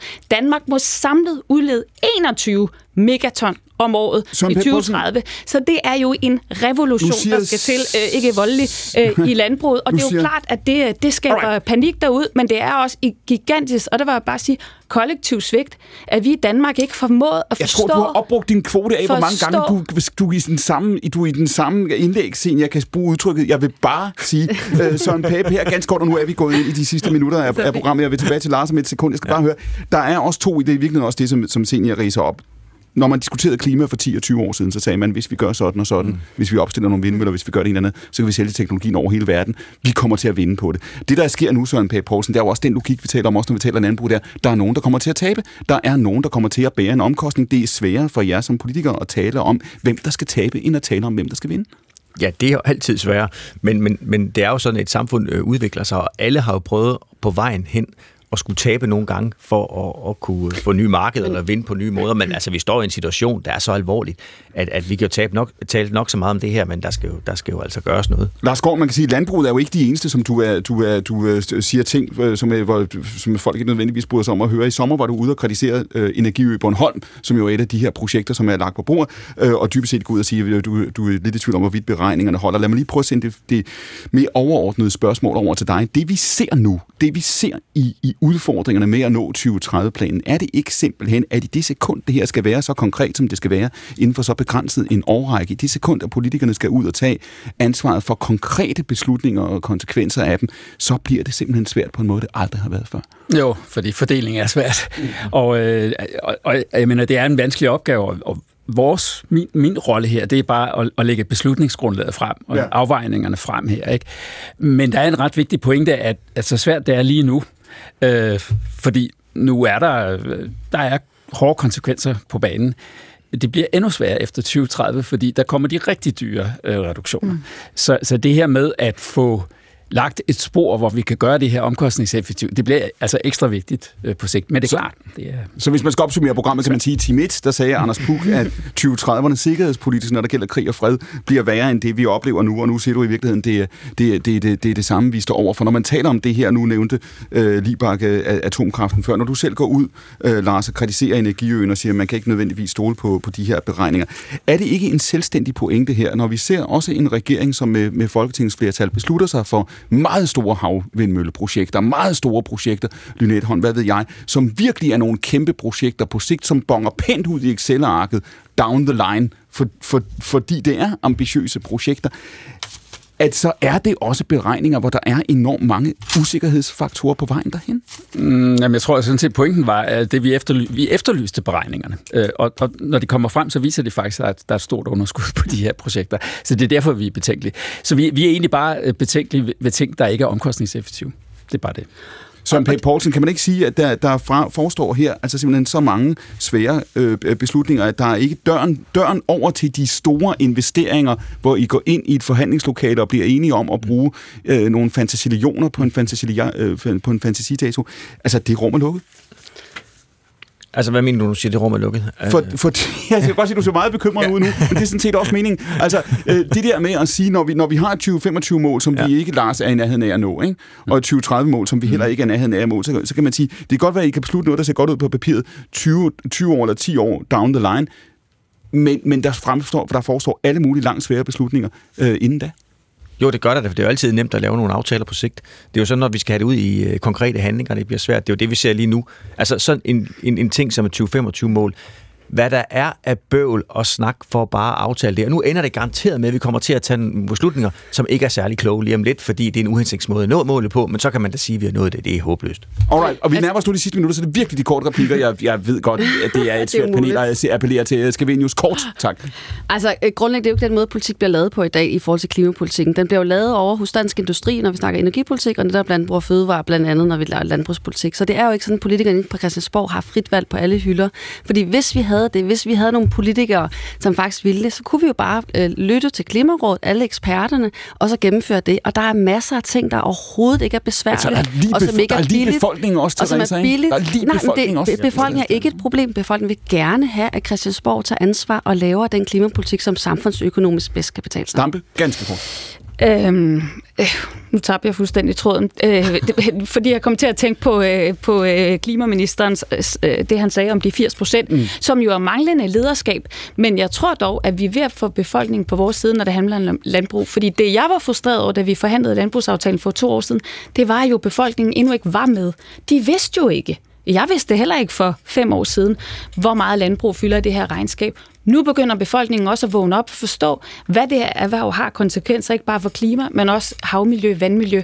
Og derfor så tror jeg på, at nu er befolkningen med, og så mm. tror jeg også, at politikerne kommer med. Det kan vi jo høre bare på Søren right. Pape dag, vi kan høre det på Jacob Ellemann. Ganske kort, når man går ind og skal, skal ind og indrette den her CO2-afgift, og efter hvad vi hører, så er den jo altså ganske tæt på. Hvor, hvor, hvor meget kan man lave? Nu har vi lige set øh, flybilletafgiften, som er blevet indført. Hvor meget kan man sige, når det er et spørgsmål om at gå ind og indføre det, og så øh, kunne skalere det over tid, styre på det over tid? Hvor afgørende bliver det, hvor højt ambitionsniveauet er, når man indfører det? Altså, man kan sige, for, for, for øh, at, at erhvervet kommer ud over stepperne, så er det vigtigt, at man får signaleret meget klart og tydeligt, at der er et højt ambitionsniveau på sigt. Mm. Det er afgørende. Ikke? Det behøver ikke at være her nu. Det afhænger af målene. Men, men hvis der skal være stor tillid til i erhvervet, at der er et højt ambitionsniveau, højt afgiftsniveau på sigt, det er det, der sætter ting i gang. Og det er jo også det, som vi, vi, vi hører landbruget efterlyst. Vi hører altid industrien efterlyst, og sige, at vi er nødt til at have nogle investeringshorisonter. Altså, det er også et spørgsmål om signalafgivning i virkeligheden. Men det er fuldstændig... Altså, hvis du gør ting på lang, altså over lang tid, så, så bliver det væsentligt billigere, end hvis, altså, som Søren Pape jo netop sagde, mm. hovsaløsninger her, det bliver øh, dyrt og dårligt. Ikke? Altså, sådan er det. Så du siger, det er vigtigt også, altså, at man siger, hvis, fordi hvis man lægger ambitionsniveauet for lavt, hvad så? Jamen, så, så får du ikke den øh, teknologiudvikling, du får ikke de tilpasninger, du får ikke de incitamenter til at gøre ting og planlægge. Det er klart. Det behøver ikke at være, være høje incitamenter i starten, bare der er tillid til, at de bliver høje mm. senere. Altså mm. hvis vi skal overleve eller leve så op til vores halvandengrads målsætning, så skal de jo være ekstremt høje. Så det er jo også ligesom, at det er for en klimapolitisk ambitionsniveau, vi har. Alright. Og der er udfordringer. Den ramme er slet ikke eksisterende. Den helt er kort bemærkning her, Anna Libak. Undgår vi i Danmark og andre steder, at det her det bliver et af de helt store splittende spørgsmål i, i politik de næste 10 år? Det gør vi ikke, nej. Og jeg synes, at ambitionen må være selvfølgelig ned, at landbrugets udledninger skal nedbringes, men uden at det betyder, at danskerne så bare køber bøffer fra Argentina. Undgår vi, Søren Pape, samme spørgsmål, undgår vi, at det her det bliver et spørgsmål, der, der splitter os højre, og venstre, ung mod gammel, by mod land på alle mulige måder? Det kræver i hvert fald stor øh, oplysning og stor diskussion, og ikke være bange for at tage diskussionen. Og så skal vi jo gøre det klogt. Altså, den afgift, der lige er kommet på, den passagerafgift, der lige er kommet, det er jo et skoleeksempel på, hvor uklogt man kan gøre noget. Man laver en passagerafgift, og så i stedet for at lade pengene gå tilbage til branchen, mm. så de kan omstille sig, så bruger man noget af det på en ældresjek. Så, så bliver jeg bare træt. Det siger Søren mm. Pape Poulsen. Han sad ved bordet ved siden af Senior Stampe, Anna Libak, Teresa Skavenius. I Team 1 havde vi besøg af Anders Buk. Vi har netop haft besøg af Lars Gården Hansen. I redaktionen sidder Frederikke Ernst, redaktør og producer på programmet er Louise Rømert, og mit navn er Clemen Kærsgaard. Husk, at I kan sende os spørgsmål, indlæg og kommentarer, idéer til programmet. Det kan I gøre på alle de sociale medier, hvor I finder os, eller ved at skrive direkte til klemensnabelag.dr.dk. Og så er vi jo altså tilbage, selvfølgelig på søndag, direkte efter middagsradiovisen kl. 12.15, hvor vi igen sender direkte mellem 12 og 14, når akkurat er tilbage. Men nu er der netop nyheder på klokken 14.